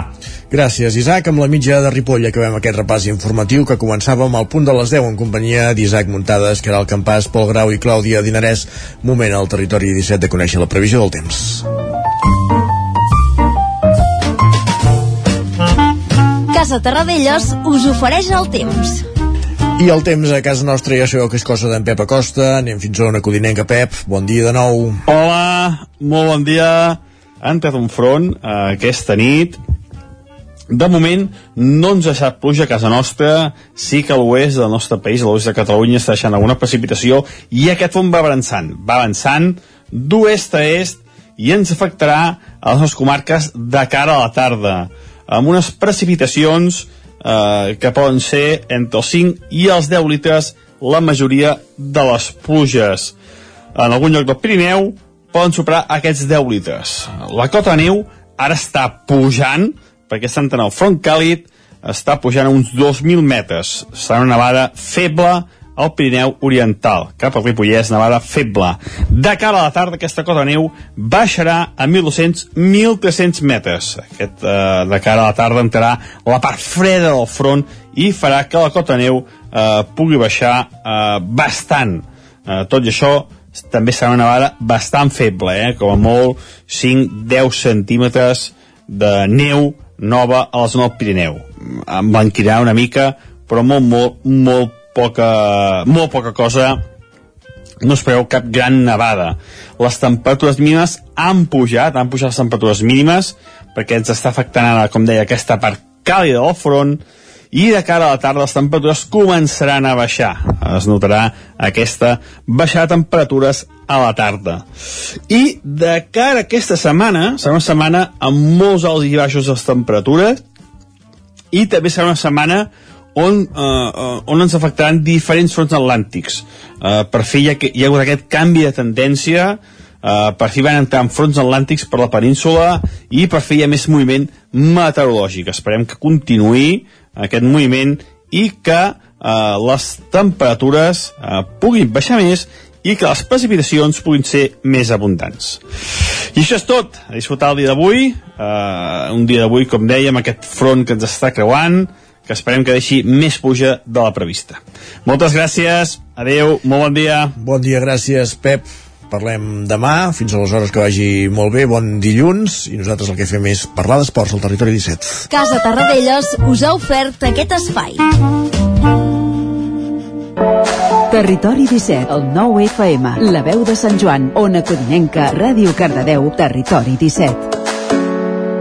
I quan diem parlar d'esports vol dir que és el moment de, de dedicar-nos a parlar de l'actualitat esportiva del cap de setmana, de com li han anat els compromisos que tenien els equips esportistes de casa nostra aquest cap de setmana, compromisos que ja avançàvem a la prèvia el divendres a, a l'agenda. Ja sabeu que aquest repàs esportiu és una roda que fem per les diferents emissores del territori 17. Comencem el recorregut a la veu a la veu de Ràdio Cardedeu, a la, amb la veu de Pol Grau des de Ràdio Televisió Cardedeu. Pol, benvingut, bon dia. Bon dia. Què? Com ha anat la cosa? Bé, només, només hi ha dos, tenim dues derrotes aquest cap de setmana, Veus? així que veure, veurem quines són. Per, pels, eh... pels protagonistes de les dues derrotes no gaire bé, però per la resta millor. Va, comencem. Per la resta millor, sí. Comencem amb segona catalana, amb el primer equip del Cardedeu, que es va imposar a casa contra el Premià Club. Eh, els de Cardedeu que van començar perdent, encaixant un gol de penal al minut 12, uh -huh. van aconseguir remuntant amb un 3 a 1 al final, eh, van jugar tot el, eh, tres quarts del partit amb un home menys, els de Premià. Així que entenc que en 10 contra 11 els hi va afavorir els de Cardedeu. Uh, per contrari al filial el Cardedeu el, a tercera catalana va empatar contra el Lliçà d'Amunt fora de casa. Va, van, va començar perdent en, en 14 minuts van encaixar dos gols ja però van aconseguir remuntar 2-2 amb un gol de penal al 1074 el Llinàs, el, el mateix grup, a tercera catalana també, va perdre contra el Vilamajor per 4 a 2 i el Granollers a primera catalana contra el Mollet van aconseguir empatar també 2 a 2 amb un gol al minut 89 que els, hi va donar, els, es van portar un punt. Uh, passem a bàsquet amb el Granollers que jugava a casa que també va perdre 61 a 82 contra el Club Vallès Òptiques Teixidor. Uh -huh i el Club Bàsquet Llinàs aconsegueix la seva primera victòria per 55 a 68 contra el, el Carbo Garden Santa Susana així que tenim la primera victòria de la temporada. I acabem amb el Franklin Granollers que es va imposar el Vida, Vidasoa Irún del País Basc per 30-32 on aconsegueix la seva cinquena victòria de la temporada i està només a 4 punts del líder que és el Barça. Així que de moment es manté en segona posició a la Lliga Sobal Perfecte, bona classificació, segons dubte del Freaking Granollers. Gràcies, Pol, fins ara. Fins ara. Continuem aquest recorregut per les emissores del territori 17. Anem a una codinenca. Allà ens espera la Caral Campàs. Benvinguda un dilluns més. Bon dia. Doncs començo pel futbol. A tercera catalana, el grup 5 del Sant Feliu de Codines ha sigut derrotat per una maneta del Centelles. 5 a 1 al camp dels usonencs. Els Centelles apreten així per entrar entre les quatre primeres posicions, mentre que els codinencs es mantenen tercers amb 20 punts. I encara al mateix grup, el Vigas tampoc va sumar 3 punts. Se'ls van dur l'aigua freda en un partit que va acabar 3 a 2. El Vigas segueix així cué, mentre que l'aigua freda suma 3 punts que el separen de la part baixa de la classificació. I per tancar aquest grup 5 de tercera, el Mollà, que va ser l'únic equip de la nostra zona que va guanyar, es van dur el partit contra el Roda de Ter per la mínima 3 punts que certifiquen la temporada estel·lar des de la capital del Moianès i el situen en primera posició, empatats a 25 punts amb l'Olímpic. A tercera catalana, però el grup 7, el Caldés, va ser derrotat pel Súria en un partit que va acabar 1 a 0. El Caldés se situa ara el número 9 de la classificació amb 14 punts. I me'n vaig a l'hoquei, el Caldes es va imposar al Girona en un partit corresponent a la jornada 7 que va acabar 2 a 4 i els calderins sumen així la seva primera victòria a domicili i es mantenen a la part mitja de la classificació. Les noies del Vigas, també en hoquei, van ser derrotades per 4 a 2 eh, davant el Mataró aquest dissabte a la tarda el Mataró suma així 3 punts i se situa 11 passant per davant el Vigas. I a segon, el Sant Feliu de Codines va ser derrotat pel Manlleu en un partit que va acabar 1 a 3. Uh, val a dir que els codinencs no arrenquen amb només 3 de 15 punts possibles l'equip cau al desè lloc de la classificació doncs anirem a veient si en les properes setmanes pot revertir-se aquesta situació. Gràcies, Caral. Continuem aquest recorregut per les emissores del Territori 17 per conèixer l'esdevenir esportiu del cap de setmana a les diferent, als diferents territoris, com ha anat la jornada esportiva al Ripollès. Isaac Muntades, una jornada esportiva, entenc, marcada per aquesta mitja marató de Ripoll. Exacte, Isaac, bon dia. Sí, a la mitja marató ens ocupa gran part d'aquests esports. Uh, comencem doncs, parlant d'atletisme, perquè aquest diumenge, com sabeu, es va disputar aquesta 43a edició de la mitja de Ripoll, amb uns 600 participants entre les tres curses que hi havia, i hem de dir doncs, que el triatleta olotí Nan Oliveres doncs, va aconseguir la seva tercera victòria a la prova amb rècord personal, perquè va marcar un temps d'una hora 5 minuts i 40 segons en la, cursi, en la cursa clàssica de 21 km de distància. El podi el van acompanyar Albert Cristòfol i Albert Ruz, en la prova femenina va guanyar Berta Cabanes amb una marca d'una hora 19 minuts i 35 segons per davant de Bàrbara Ramon i Judit Pujols. I llavors, com sabeu, hi havia dues proves més, la de 10 quilòmetres en què van guanyar Marc Guàrdia i Sílvia Segura i la de 5 quilòmetres en què els vencedors van ser Ot Gómez i Paula Bautista per tant una jornada d'atletisme sempre molt important al Ripollès que va reunir doncs això 600 uh, participants. I sobre el futbol uh, anem al grup 18 de la tercera catalana perquè la Badesenc segueix com a líder imparable de la Lliga amb 23 punts després de guanyar a domicili 0 a 2 a les Planes en un partit molt seriós que va dominar de principi a fi. Els Sant Joanines van avançar poc després del primer quart d'hora de la primera part amb un gol de Dani i Lluc va sentenciar un quart d'hora del final amb un xut fort des de fora l'àrea i d'augment semblen bastant intocables els Sant Joanins. En canvi el Canano sí que no està gaire fi, va perdre per 4-2 al camp del segon classificat, el Fornells, en un partit en què es van avançar amb un gol matiner de Maideu Marçal i Linares van remuntar abans del minut 20, Lossada va fer el tercer, Garra en el temps afegit retallava distàncies, però Martín va sentenciar el contraatac per fer el 4-2. Els verd i blancs es queden vuitens amb 15 punts i el Camprodon és desè amb 14 i això acaba de fer un gran partit, però no va passar de l'empat a un contra el Comacrosa a domicili. Sabaner va avançar als locals de penal i ja cap al final del partit Aniol va empatar amb un xut des de fora l'àrea. El Nacional Catalana d'Hockey Patins, l'Hockey Club Ripoll, va caure golejat per 4-1 contra el Capellades en un partit doncs, que al minut 5 ja perdien 2 a 0 ja feia presagiar que no aniria gaire bé la cosa. Tot i retallar distàncies amb el 2 a 1 doncs a la segona part van encaixar dos gols més als ripollesos i ara mateix són cinquens a, amb 10 punts. I a la primera nacional de futbol sala per acabar, exhibició del Ripoll que va guanyar la pista del Vigues per 1 a 10 en un partit que va dominar de principi a fi. A la mitja part ja, ja els havien clavat una maneta amb, amb un triplet de Pere, Dani també amb un doblet i dues assistències van ser els jugadors més destacats, també van marcar Marc, Carlos Moja, Canjal i Eric, i el Ripoll ara mateix és setè amb 11 punts i s'allunya ja a 6 de la zona de descens. Gràcies, Isaac. Parlem d'aquí una estona. Fins ara. Fins ara. I, continu I continuem amb aquest recorregut o l'acabem als estudis del 9FM una setmana més amb l'Ester Rovira. Benvinguda, Ester. Bon dia com ha anat la jornada del cap de setmana? Doncs mira, hem tingut una mica de, de tot, uh, fins i tot un, un derbi en hoquei patins, de fet si voleu comencem per, per sí? aquí, per, per l'hoquei patins, uh, perquè uh, després de l'aturada per als uh, World Skate Games uh, es tornaran a posar en marxa les principals lligues, l'hoquei lliga i l'hoquei lliga femenina, i en el cas de la femenina ho feia amb un derbi a Sant Hipòlit entre el Voltregàs Termotor i el Martinelli a Manlleu, i hem de dir que les manlleuenques, que les visitants uh, se'l van emportar uh, per 2 a 3 uh, les locals les van posar contra les cordes en un partit uh, que, doncs, que va ser molt igualat però doncs, les manlleuenques van acabar sent les vencedores, Ona Castellví va avançar al Manlleu, Irene Torres va empatar pel Voltregà, Esther Vistós eh, va fer el 2 a 1 que posava per davant les de Sant Hipòlit però dos gols de Casa Ramona van suposar la victòria per al, per al Manlleu.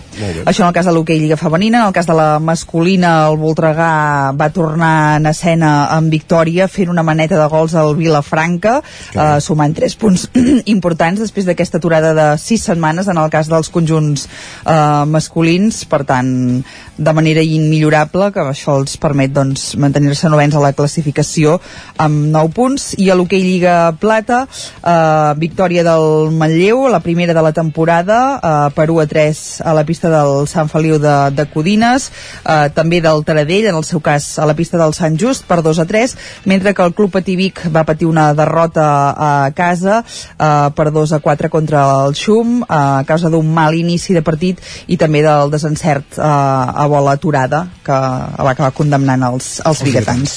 Això pel que fa a l'hoquei, en el cas del futbol, eh, derrota del Tona eh, a la tercera federació en la seva visita al Peralada per 5 a 2. Eh, els de Ricard Ferrés que van dominar eh, el joc però es van trobar doncs, contra un Paralada molt més efectiu i que va doncs, resultar ser el vencedor d'aquest enfrontament. Uh, això fa que ara mateix el Tona sigui 11 en aquest uh, grup 5 de la tercera federació amb 13 punts, una, uh, un grup que continua liderant l'Europa amb, amb pas ferm des de fa moltes setmanes amb 26 punts. En el cas de la primera catalana, el Torelló era l'únic conjunt que jugava a casa, uh, doncs uh, rebia el Mataró i uh, va, va empatar un, a un gol uh, en un partit doncs, eh, on els visitants es van quedar amb nou homes només començar la segona part. Per tant eh, el Torelló que tenia doncs, eh, més de cara va ser exacte el partit però tot i així doncs, un punt. Eh, el Manlleu continua sense guanyar a fora. Va perdre per 3 a 2 al camp del Can Givert per 3 a 2 i el Vic va guanyar a Caldes de, de Montbui 2 a 3 amb dos gols de Max Morell i un de Campayo. En el cas de la primera divisió nacional femenina el Vic Riu primer va perdonar la seva visita al Villarreal B i va perdre per 2 a 1 hem de dir que van fer una gran primera part però van notar el desgast a la, a la segona i van acabar perdent eh, doncs, eh, en aquest enfrontament que tenien a, al, al País Valencià. I encara més coses perquè eh, ara sí que ja tenim amb la tornada de l'hoquei totes les competicions en marxa. Victòria en final d'infart del Club Bàsquet Vic Universitat de Vic a la Lliga EVA a casa contra el Mataró per 68 a 65 ajustadíssim i els biguetans que continuen segons a la, a la classificació. El Girbau Vic TT eh, també va guanyar la seva visita a l'Alacant a la Superdivisió Femenina de Tenis Taula per 1 a 4 i es consolida en el segon lloc de la classificació i acabem només amb un apunt per destacar que aquest cap de setmana també es disputava una prova de la Copa Catalana de Ciclocross a GURB i els guanyadors van ser Jofre Collell i Jordina Muntades. Perfecte, doncs moltíssimes gràcies, Esther. Que vagi molt bé. Bon dilluns. Avancem al territori 17, una petita pausa per la publicitat i tornem amb el Twitter i la tertúlia esportiva. El nou FM, la ràdio de casa, al 92.8. Arriba el Nadal i a l'Hiperbasar Liu ho trobaràs tot i a preus de fàbrica. Vine a conèixer la nova botiga Hiperbasar, la més gran de tot Vic. Ens trobaràs al carrer Torelló, 18 de Vic, al costat del Supeco i al telèfon 672 62 15 33. Busques un espai ideal per fer trobades? A la Casa d'Espiritualitat Marc Castanyer dels Hostalets de Balanyà hi trobaràs espais ideals perquè a les escoles hi facin sortides o per fer-hi retirs o recessos entre setmana. Hi podreu fer nit o bé llogar-ho per un dia lectiu. Disposem de 33 habitacions, cuina de proximitat, sala d'actes amb projector, grans jardins i altres espais. En definitiva, un espai idoni per a grups escolars. Casa d'Espiritualitat Marc Castanyer. Més informació al 646 11 31 40. Fa dos anys, el nostre món es va buidar i avui els plats de moltes famílies segueixen buits. Per això aquest any tornem a omplir-los. Tornem a omplir el rebost de qui més ho necessita. El 25 i 26 de novembre torna el Gran Recapte. Tornem a omplir les caixes de solidaritat. Dona aliments o fes un donatiu a granrecapte.com. Ajudar a omple. Has esperat que arribi el fred per comprovar si et funciona bé la caldera? No pateixis, a Casa Jové som especialistes en manteniment, reparació i revisió d'equips d'aigua calenta i calefacció, tant en l'ambient domèstic com industrial. Si tens una avaria, no ho dubtis. Som Casa Jové. Ens trobaràs al carrer Girona, número 9 de Vic, i al telèfon 93 886 1596. Casa Jové, el teu servei tècnic de confiança. Als teus fills els agrada la tecnologia? Apunta'ls a Codelern, l'extraescolar de programació i robòtica que els ajudarà a preparar-se per al futur i a ser creadors de tecnologia. Gràcies al mètode Codelern, cada alumne aprèn al seu ritme i pot començar quan vulgui. Us esperem a la Ronda Francesc Camprodon número 45 de Vic. Més informació a codelern.cat. A la Piga descobriràs un nou centre de reforç escolar i anglès per tots els nivells i edats. La Piga és un espai de creixement per a infants, adolescents i famílies acompanyat d'un servei de logopèdia i psicologia. Vine, t'informarem de la nostra oferta i aprofita les nostres promocions i descomptes per nous clients. La Piga, passatge Germana Carme Mascaradors de Vic, telèfon 633 01 9018. Anuncia't al 9FM. La màquina de casa. 9 3 8 8 9 4 9 4 9. Publicitat arroba al 9FM.cat. Anuncia't al 9FM. La publicitat més eficaç. El 9 FM, el 9 FM, el 9 FM, el 9 FM, el 9 FM.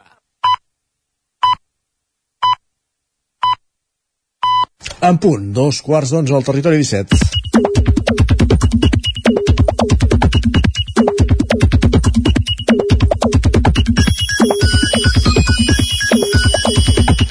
Música, sintonia cibernètica que ens introdueix al món de Twitter, a la xarxa d'Elon Musk. No sé si tu, Sánchez, bon dia, Guillem, eh? Què tal, com estem? Té els dies comptats, Twitter, o no? Tu que cada dia t'hi capbusses. No sé, jo veig eh, activitat similar, però sí que és veritat que cada cop van sortint, em sembla, més perfils que se'n volen sortir o que ja no els interessa com els interessava abans, per tant, bé, potser haurem de canviar la secció, Isaac, no sé si... Ah. Basta, llavors haurem de veure quina xarxa ens, ens dona els que ens donava fins a Twitter. Correcte, correcte. Pilades curtes, en fi. Va, què has trobat? Va, no sé si t'has adonat, Isaac, que ha començat el Mundial de Futbol. Ah, sí? Ah, sí? Em sembla que sí. Doncs va, és una competició de contradiccions, com ja ha dit tothom, sobretot per allò que va més enllà del propi esport. En Jordi, per això, té assumit el que tocarà fer durant les setmanes que duri la competició. Ens escriu, jo en contra del Mundial de Qatar faré una protesta a la japonesa i miraré tots els partits. Ah, Diu que es fotin. Doncs vinga, doncs vinga. Antoni per això fa una reflexió que no sé si la gent compartiria, ens escriu, tinc un dubte. Tots els que aposteu per fer boicot al Mundial de Qatar i demaneu a tothom que ho faci, suposo que també devíeu fer boicot al Barça quan portava publicitat de Qatar a la samarreta, oi? Per Clar, aquí surten moltes referències i moltes coses que llavors potser mm, ens fan pensar que no hauríem de mirar cap partit d'aquesta competició, eh? Tot i que serà, serà complicat perquè deuen fer futbol cada... Ni, ni d'aquesta ni de cap, pràcticament, perquè mira't, mira't la Premier o, o, o la Lliga Francesa. Mira, és que de fet en aquest sentit va el missatge d'en Mundial de Motos. d'en Raül que hi afegeix a aquest capítol més, diu tota aquesta rajada contra el Mundial de Qatar, diu no dic que no sigui necessària, no la recordo sobre la Champions, la Lliga, la Premier, les motos o la Fórmula 1, on la majoria del calé té un origen similar, diu, doncs potser sí que serà un Mundial històric. Potser sí. Doncs sí, sí, són coses que, que passen i que, bueno, mm, no sé si ens haurien de fer reflexionar una mica o no, i el dia 18 de desembre, que hi ha la, la final, diria, mm, apagar la tele i que, i que facin el que hagin de fer. El que no està de més mai per això és condemnar eh, la manca de drets que hi ha al Qatar. I Això, tant, això, això sí. això sí és una cosa que no podem deixar de fer. Doncs bé, Isaac, més enllà del futbol, era ahir també un dia en què hagués firmat la proposta de la Lluna. Ens escriu, diumenge de pèl i manta perquè fa molt fred. Jo he de reconèixer que tinc ja l'anorac, Sí? el maleter del cotxe, i el vaig agafar aquest dissabte, després de fotre'm de fred, durant tot el divendres al vespre entrenant a futbol, aquest cap de setmana ja anorac, guants, buf, i tots els jerseis i suaderes amb caputxa per si de cas. Molt bé. I em sembla que tocarà Doncs- treure ja alguna, alguna tèrmica Sánchez també. ja porta equipament d'hivern. Correcte. L'Eric també ens comparteix la reflexió de la Lluna, ens diu un diumenge que no es pot considerar diumenge fins que no t'has passat la tarda veient pel·lícules i menjant crispetes. Mm. Jo fa molt que no menjo crispetes. Jo també. A casa hi havia aquelles bosses, no?, que podies No, és comprar que i a casa hi feies... són, i ahir vaig estar temptat, però era tan tard a la nit que vaig pensar, ara no, no, va, no, no.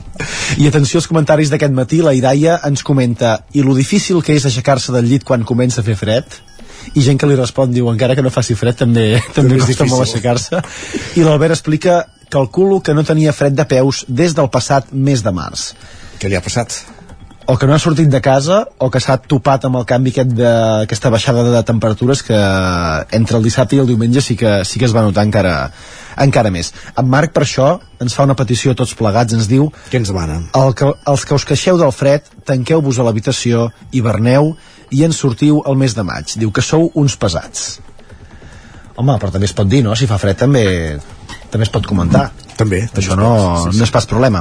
Va, i canviant de tema, però també d'un marc, ens ve una reflexió que m'obligarà a mirar totes les fotos que la Rosalia ha anat penjant a les seves xarxes socials últimament. La Rosalia, la cantanta? Correcte. Atenció al comentari. Ens diu, em fa patir una mica que el menjar i el beure que penja la Rosalia a Instagram té sempre tot una pinta horrible. No sé quines fotografies es deu referir, però bé, farem un, un repàs de les xarxes de... És que són de Twitter, no d'Instagram. Ja, però, però la gent comenta coses d'Instagram Ja, a ja, ja, Twitter, per no, tant per aquí també ens hem de... no- no- no puc aportar, no, Ens hem d'agafar. Va, i abans d'acabar ajudem a la Mar, si plau que ens escriu... Ajudem la Mar. Les ganes que tinc d'anar amb algú a veure els llums de Nadal. Què vols que li diguem?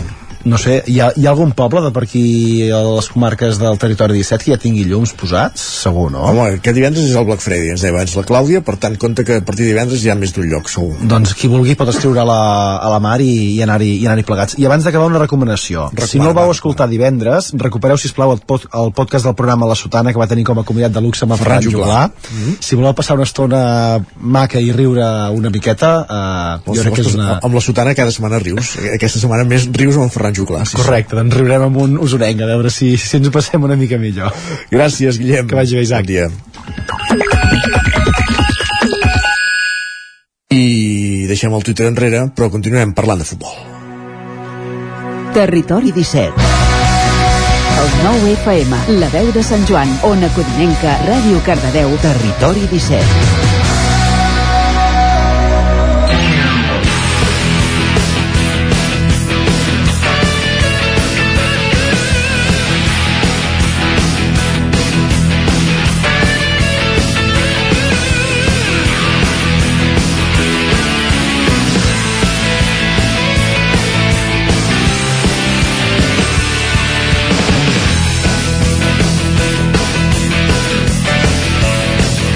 Sis minuts que passen de dos quarts d'onze del matí al territori 17. Com cada dilluns ens disposem a fer la tertúlia esportiva. Avui en companyia de Miquel R, l'Isaac Muntades i en Lluís de Planell.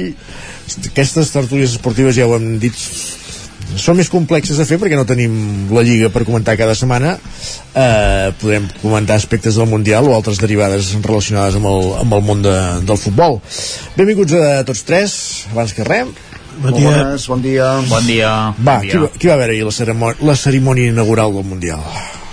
L'Isaac. No, jo vaig veure el partit, però la cerimònia no.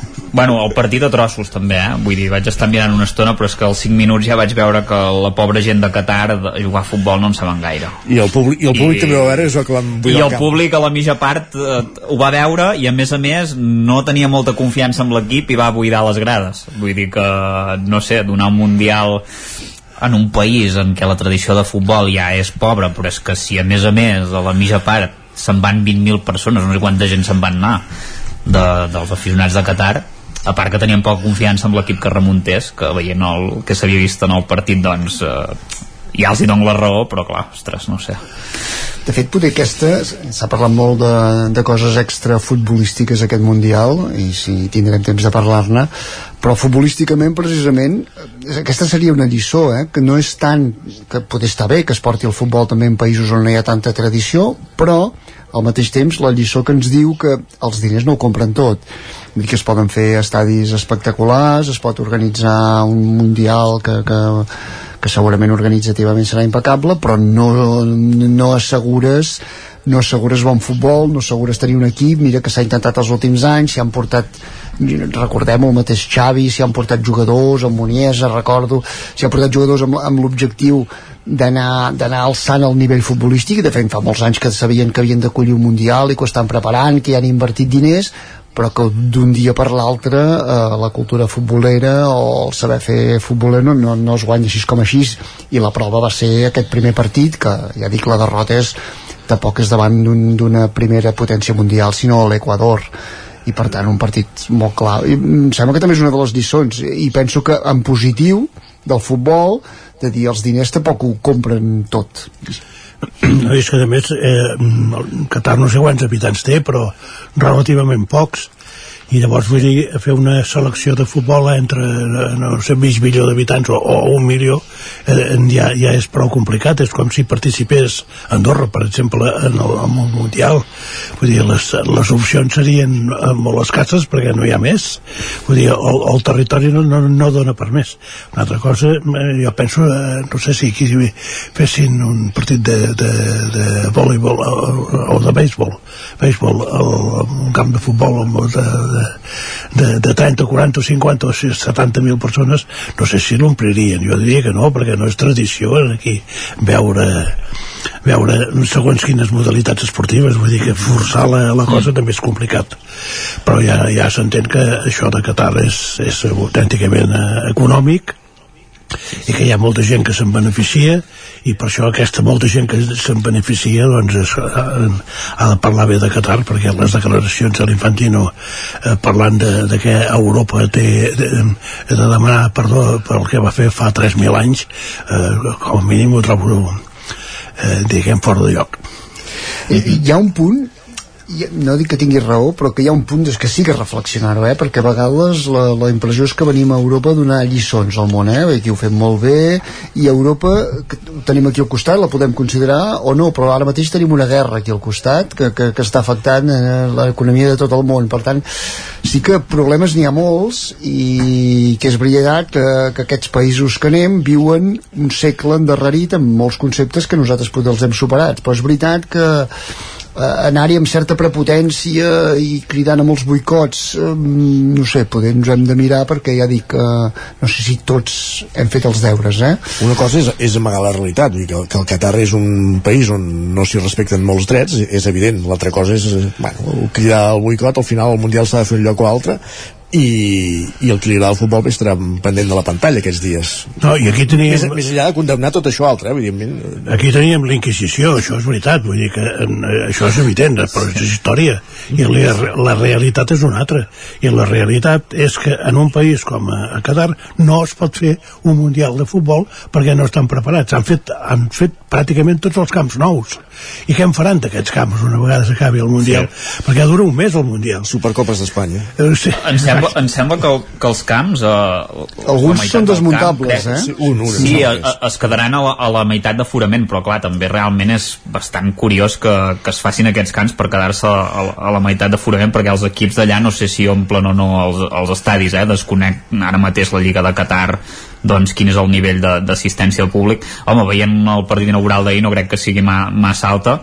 I, i una cosa que volia recuperar d'abans que, que sí que m'he descuidat de dir-ho que, que, que em va fer gràcia Qatar, Qatar és la campiona d'Àsia actual que sorprèn el, o sigui, el nivell dels països asiàtics realment ha de ser sorprenent veient un equip que, que ahir no va jugar absolutament a, a res parlant de, del, eh, del partit futbolístic que va cometre errades que es cometen en partits di- d'infantils que no sabien treure la pilota i, i més enllà de tot això que estem parlant eh, de, de condemnar doncs, perquè no s'ha de fer el Mundial en un, en un uh, país on que evidentment hi ha una llista de prohibicions que és enorme per la gent que, que hi va, sobretot per determinats col·lectius, ja siguin els col·lectius LGTBI, el col·lectiu doncs, de les dones, que segurament és el, els que té més problemes, però realment aquest mes ja veureu que no passarà gaire absolutament res, es blanquejarà molt la gent es comportarà eh, els catarians es comportaran molt amb la gent de fora faran una mica la vista grossa jo penso i després, quan acabi el Mundial si de cas, ja tornaran una mica Correcte. a,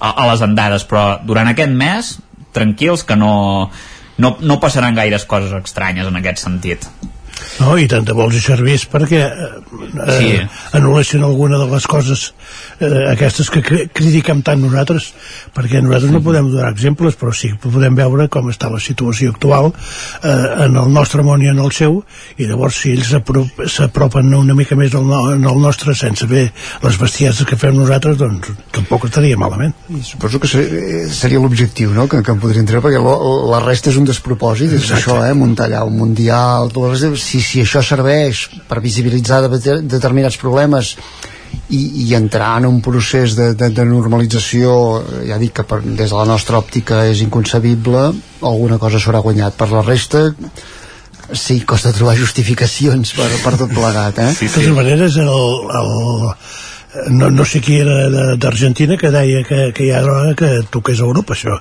O sigui, ells quan el Mundial es fa eh, en el nostre estiu ells han de parar la competició i ells han de parar la Lliga. Cada Mundial han de parar la Lliga perquè, esclar, eh, coincideix eh, en, en, quan, quan nosaltres ara. Clar. i llavors diuen eh, eh, que un, una vegada us toqui a vosaltres tampoc passa res. El que passa és que això és hemisferi nord. O sigui que en teoria eh, no hauríem de parar la competició sí. si es fa en, eh, a l'hemisferi nord però eh, I, i han de posar-hi, ara estan, ara estan allà, que estan a l'hi- a l'hivern, no?, teòricament, exacte, és hemisferi nord, eh? Sí, a, a Qatar, però és igual, la temperatura és altíssima i han de refrigerar els camps. Ja. Una cosa que no milloran, per exemple, és amb la lluita contra el canvi climàtic, No, perquè es veu, que és la, evident que no. Es veu que els estadis, eh, el tema de l'aire condicionat i els hotels està a tot drap. Però ja has És vist també que costa arribar a acords a nivell mundial a la cimera que, que ha acabat a Sí, Egipte sí. de setmana, per tant... per això, i evidentment a Qatar no, no, són, no són l'excepció i po ho posen a tot trap i els estadis estan a 20 graus, fa fred, hi ha gent que anava amb anoraks ahir a l'estadi, sembla ser, i, i hi ha molts jugadors, per exemple, a la concentració de la selecció espanyola, hi ha com 7 o 8 jugadors que estan constipats per culpa dels aires acondicionats, vull dir que això també serà un factor important a tenir en compte, eh? perquè parlar molt de la calor, veiem que no sigui el fred al final el problema. Eh, es veu que els fotògrafs els hi han aconsellat els que són a peu de camp que vagin eh, ben preparats perquè les el, el, el xorro de, fu, de, de, de gas fred que surt ai, de- d'aire fred que surt eh, és, és impressionant i la temperatura es veu que a peu de camp és de, de 18 o 19 graus eh? Ara, sí, sí. I, i llavors quan surtis a 30 vull dir que és, és ideal per agafar Però això no sé si fins i tot pels objectius pot condensar òptiques i tot plegat, però vaja, en fi. Uh, la setmana passada, Isaac, ens parlaves no de la selecció espanyola, sinó que en deies la selecció de Luis Enrique. Volem dir que és una, és una cosa diferent al que, al que hauria de ser. Uh, a tot plegat, eh, i ara entrem ja al terreny esportiu, encara s'hi ha afegit un altre jugador del Barça. Uh, en fi, uh, el Barça que tothom li tira coses per tot arreu, però al final, a l'hora de, de, de fer l'equip de la selecció espanyola, és d'on més jugadors arrosseguen. No vull pas imaginar com tornarem el, a finals de desembre amb allò que en diem virus FIFA o virus mundial o com vulgueu dir, Uh, no sé si d'alguna manera s'hauria de posar límit a això de les seleccions uh, X jugadors per, per, per club perquè és que és, és una barbaritat és normal, eh, vull dir, els clubs que aposten pels, per grans jugadors eh, pot passar, pot passar això De- deixa'm fer una falca amb això de dir que a mi em sap greu, eh, per exemple que, que, que un Benzema es perdi el Mundial així a les portes Jo estic contentíssim. per no els jureu. en canvi, eh, dels pocs jugadors que teniu en aquest sentit vosaltres l'heu salvat i el tindreu ben recuperat per, per la represa Sí, sí. Um, Estic contentíssim. Dit això, clar, el Luis Enrique és, un, és, és en Luis Enrique, eh? però per exemple un cop ha de substituir el Gaià, que agafi en Balde en lloc del Marcos Alonso, jo penso que gestos així es diuen a favor seu, a dir, en, arribat a aquest punt, és, no sé si jugarà o no, però és millor apostar per un nano de 18 anys, un Mundial, que no hi ha un consagrat, que ve una mica de 30 anys, jo penso que aquestes depèn, decisions depèn. i la capacitat que ha tingut de rejuvenir la selecció, jo penso que és una aposta que, ja dic, que se l'ha de felicitar. Jo no ho sé, eh? perquè precisament el que diuen que en un dels problemes que pot tenir la selecció és, és la pressió que dona a participar en una competició que saps que ets eh, eh, l'objectiu eh, i la mirada de, de, de milions d'espectadors que no, que no és una lliga local eh, sinó que és una competició a nivell mundial i que això po- pot influir en, en, en el rendiment dels jugadors. Jo penso que per exemple l'Argentina és tot el contrari. l'Argentina té jovenets com en Messi i com en Di Maria i és clar, llavors què, què faran aquests? Vull dir que mm, Però totes aquestes seleccions que encara viuen d'aquestes velles glòries, eh? ja no parlem de, de Gales, no parlem de, de, Cristiano. de Portugal, de Cristiano... De Portugal, hòstia, sí, de, sí, sí. Vull dir que, esclar, eh, poder els altres jugaran amb menys, amb, vull dir, amb menys a perdre, no? Si tens, tens 18, 19, 20 anys la, eh, la, la, Home. de la selecció... que, cansats al final del partit suposo que no arribaran perquè clar, a mitja temporada i amb jugadors de, per exemple en el cas d'Espanya que era d'una de les 3 o 4 seleccions amb mitjana edat més baixa, no sé si era una mitjana edat de 25 anys, doncs home, això, això físicament s'ha de notar. I, i abans deies allò del Valde, eh, Miquel, i jo i, i Lluís, uh, jo amb Valde sí que ja ho vaig dir la setmana passada. Jo l'hagués sí, portat sí. pel nivell de, de forma. Ara, també hagués portat amb Marcos Alonso. Però què significa això? que Jordi Alba fora cap a casa. Però ja, ja, aquest sí que ja, ja, ja, ja, ja està activat. És inexplicable el que ha passat amb el procés de... Jo no sé què ha passat interiorment, perquè va haver-hi aquell moment que deixava d'anar-hi, perquè semblava sí, sí. que tenien un, enfront, sí, sí, un enfrontament manifest sí, sí. amb Luis Enrique, el repesc un no moment sé. que va fer un repunt de joc, suposo que en un moment que faltava un lateral esquerre, i ara l'ha mantingut, sí, sí. malgrat portant mesos, diguéssim, jugant més poquet, tot i que tampoc és dels qua, que, que ha desentonat més eh, el Barça però però sí, sí, no he entès ben bé l'aposta la, aquesta del, de l'anar i venir que han fet a... Sí, sí, sí, suposo que vol mantenir uns certs jugadors veterans també l'equip. Jo, tot, jo és per la manera que ho entenc eh, per, per, per fer grup, perquè entenc que hi ha d'haver algun. Clar, no poden ser tots de 18-19 anys perquè si no, és que les seleccions també les que tinguin una mica de veterania en partits igualats ens poden poden complicar-li molt la vida, no?, a Espanya, i, i clar, hi ha d'anar-hi pues, el típic Busquets, el típic, eh, no sé, Jordi Alba, el típic Coque, que tampoc no és dels més destacats però sí que és més veterà. Bueno, jugador, Morata fins i tot, no sé. Jugadors d'aquest estil. Mm -hmm. és molt és, és, això, és, amb això tens raó. És, és selecció Luis Enrique perquè no entens mai res perquè en, en, en principi agafa en Jordi Alba quan en Jordi Alba en teoria és gairebé suplent de l'Abde mm. i llavors sí. eh, això com, com es menja això com dieu per veterania va, potser sí que, que la cosa sí. va per aquí però no és gaire explicable eh?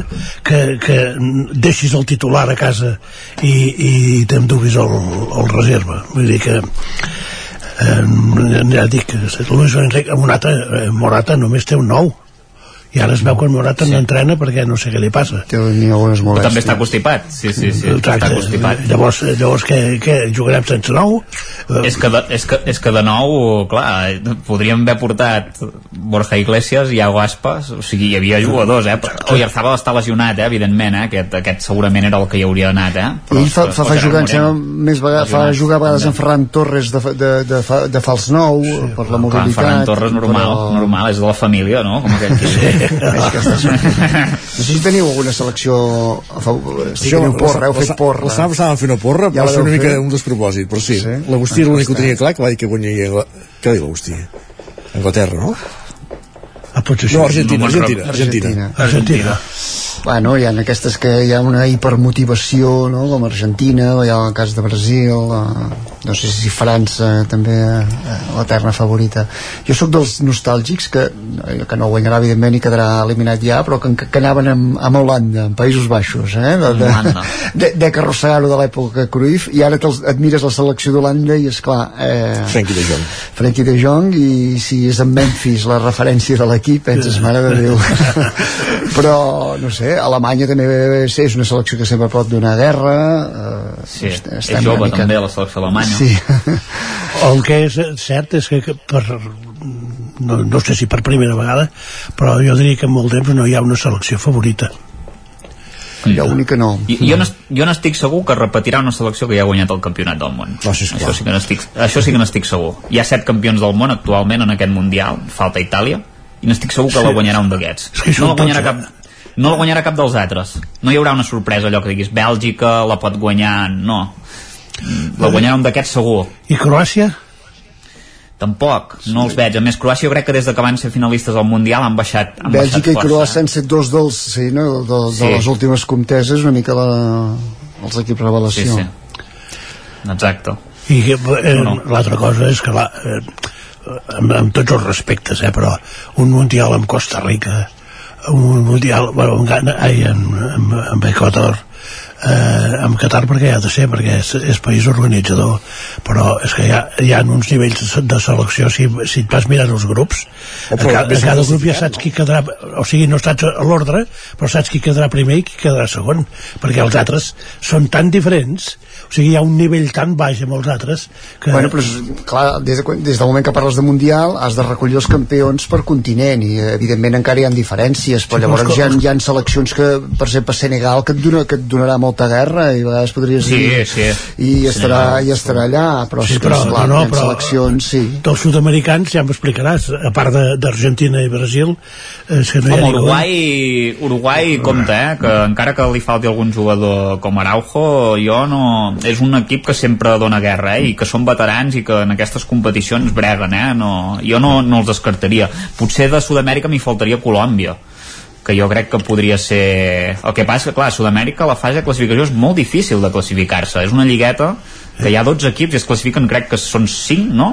O 4 i un va a la repesca. hi ha una que llavors va a Austràlia no sé Exacte, i clar, hi ha seleccions com Colòmbia, mm, Perú fins i tot, que en el Xile, que ha guanyat dos Copes Amèrica fa poc, que, que, que podien haver-hi anat, vull dir, és complicat, eh? Llavors hi van anar, clar, hi, va, hi van altres seleccions que evidentment no, no estan al nivell, fi- fins i tot, per exemple, als Estats Units, tots els respectes, eh? Que, eh, una que sí una mica, que podríem considerar una mica més gran, però, però tampoc és el, el nivell que dona, per exemple, a Gales, la veig sí, a millor. Gales que- i podria haver Catalunya Sí, sí. perfectament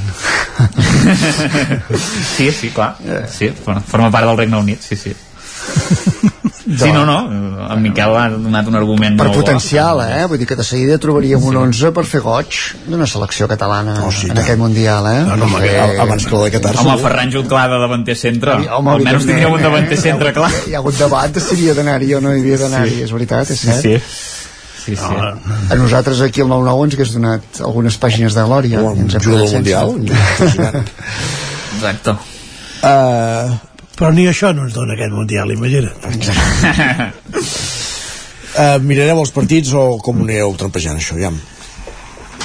Home, avui he vist que n'hi havia un a les dues, em penso, no? L'hora Sí. Sí, jo no, no sí. sóc foròfo de mirar tots els partits de Mundial, Mira. esperes el- els creuaments i intentes mirar aquells, els que tenen més morbo, o a partir de semifinals, no? veure una, eh, com, a, com a esportista, veure un Brasil-Argentina, sempre Mm. ve de gust, és un bon partit, però no per, per dir seguiré tots els partits o, o la majoria. Al moment que, que avança la competició i eh, en funció dels encreuaments intentes veure els partits aquests en més morbo. Sí, sí.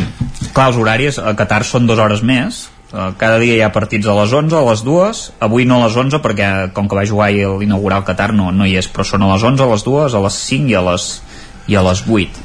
Exacte. Jo suposo que miraré alguns partits que donin per, per televisió espanyola. Ara ho veig a Anglaterra, Anglaterra i Iran, del- les sí. dues, Però Televisió Espanyola dona bàsicament la selecció espanyola. Dona no? la selecció O- o espanyola dona, i... o- No, no, o- dona també, dona també alguns partits de- d'altres seleccions, o sigui, la fase de grups en dona, a part de l'inaugural, dona 1, 2, 3, 4, 5, 6, 7, 8, 9 partits, dels quals 3 són d'Espanya, i 6, per exemple, avui i demà no en dona, per tant, doncs avui i demà no miraré La cap, resta són en, cap tanc, partit. en tancat, no? Sí, El- sí, el has de pagar... Has de pagar. has de, bueno, però has de tenir el, el, el Movistar. Movistar.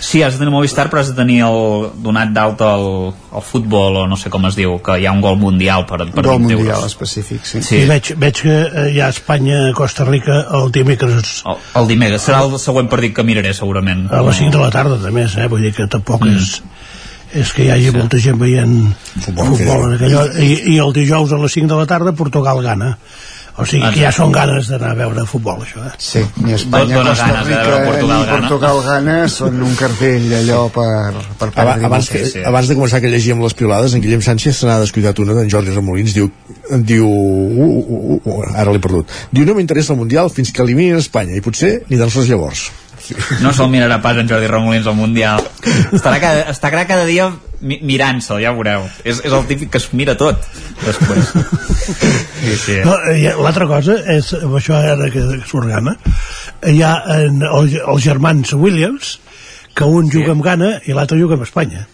com en Boateng En Boateng n'hi havia un que jugava amb Ghana i l'altre amb Alemanya. O sigui, com, com, com s'ho explica, això? Un... Bueno, però, però és allò que a vegades ha passat amb algun jugador del Barça, que a, a veure qui és la selecció que el sedueix abans i, sí. i amb la que comença. No, no, però és bueno, Iñaki Williams era molt dolent i pobre no anava amb Espanya i va dir, doncs mira, com que tinc ascendència ganesa també per part de mare, doncs me'n vaig amb Ghana. I en Nico Williams és més bo, l'han convocat pel Mundial i va anat amb Espanya. Com l'Ansu Fati, que no va amb Guinea-Bissau, no? Va, això no és un germà, eh? no té germans, eh? però vull dir, ell, per exemple, podria anar amb Guinea-Bissau, clar, Guinea-Bissau digue'm algun altre jugador no, però hi, havia el, hi havia el cas de l'Apte que hi havia el cas de l'Apte sí. que havia d'anar a Marroc, a Marroc i va fer l'opció sí, sí. de totes maneres eh, ja m'explicareu quin patriotisme és això Ah, no, no, al final és l'interès del Mundial. Hi ha més patriotisme al partit dels youtubers. Si és selecció catalana, si és selecció catalana també molts voldrien anar amb Catalunya. Del, després del que va fer la selecció espanyola de bàsquet amb el base, que no recordo el nom, hi ha... En Lorenzo Brown. En Lorenzo Brown, correcte. Del Bacete. Del Bacete. Tot, tot vist. Lorenzo, que més castellà impossible. Lorenzo, Lorenzo. Miquel R. Isaac Muntades, Lluís de Planell, moltíssimes gràcies. Bon dia. Bon dia. A veure, bon dia. Va, bon dia, adéu, vagi bé. Acabem la tertúlia esportiva avui parlant d'aquest Mundial de Futbol al Qatar i acabem també el territori 17. Us hem acompanyat des de les 9 del matí Pepa Costa, Laura Serrat, Esther Rovira, Caral Campàs, Pol Grau, Guillem Sánchez, Isaac Montades, Lluís de Planell, Miquel R, Claudi Dinarès, Sergi Vives i Isaac Moreno. I tornem demà a partir de les 9. Fins aleshores. Bon dilluns i gràcies per ser-hi. Territori 17 un magazín del nou FM. La veu de Sant Joan, Ona Codinenca i Ràdio Cardedeu amb el suport de la xarxa.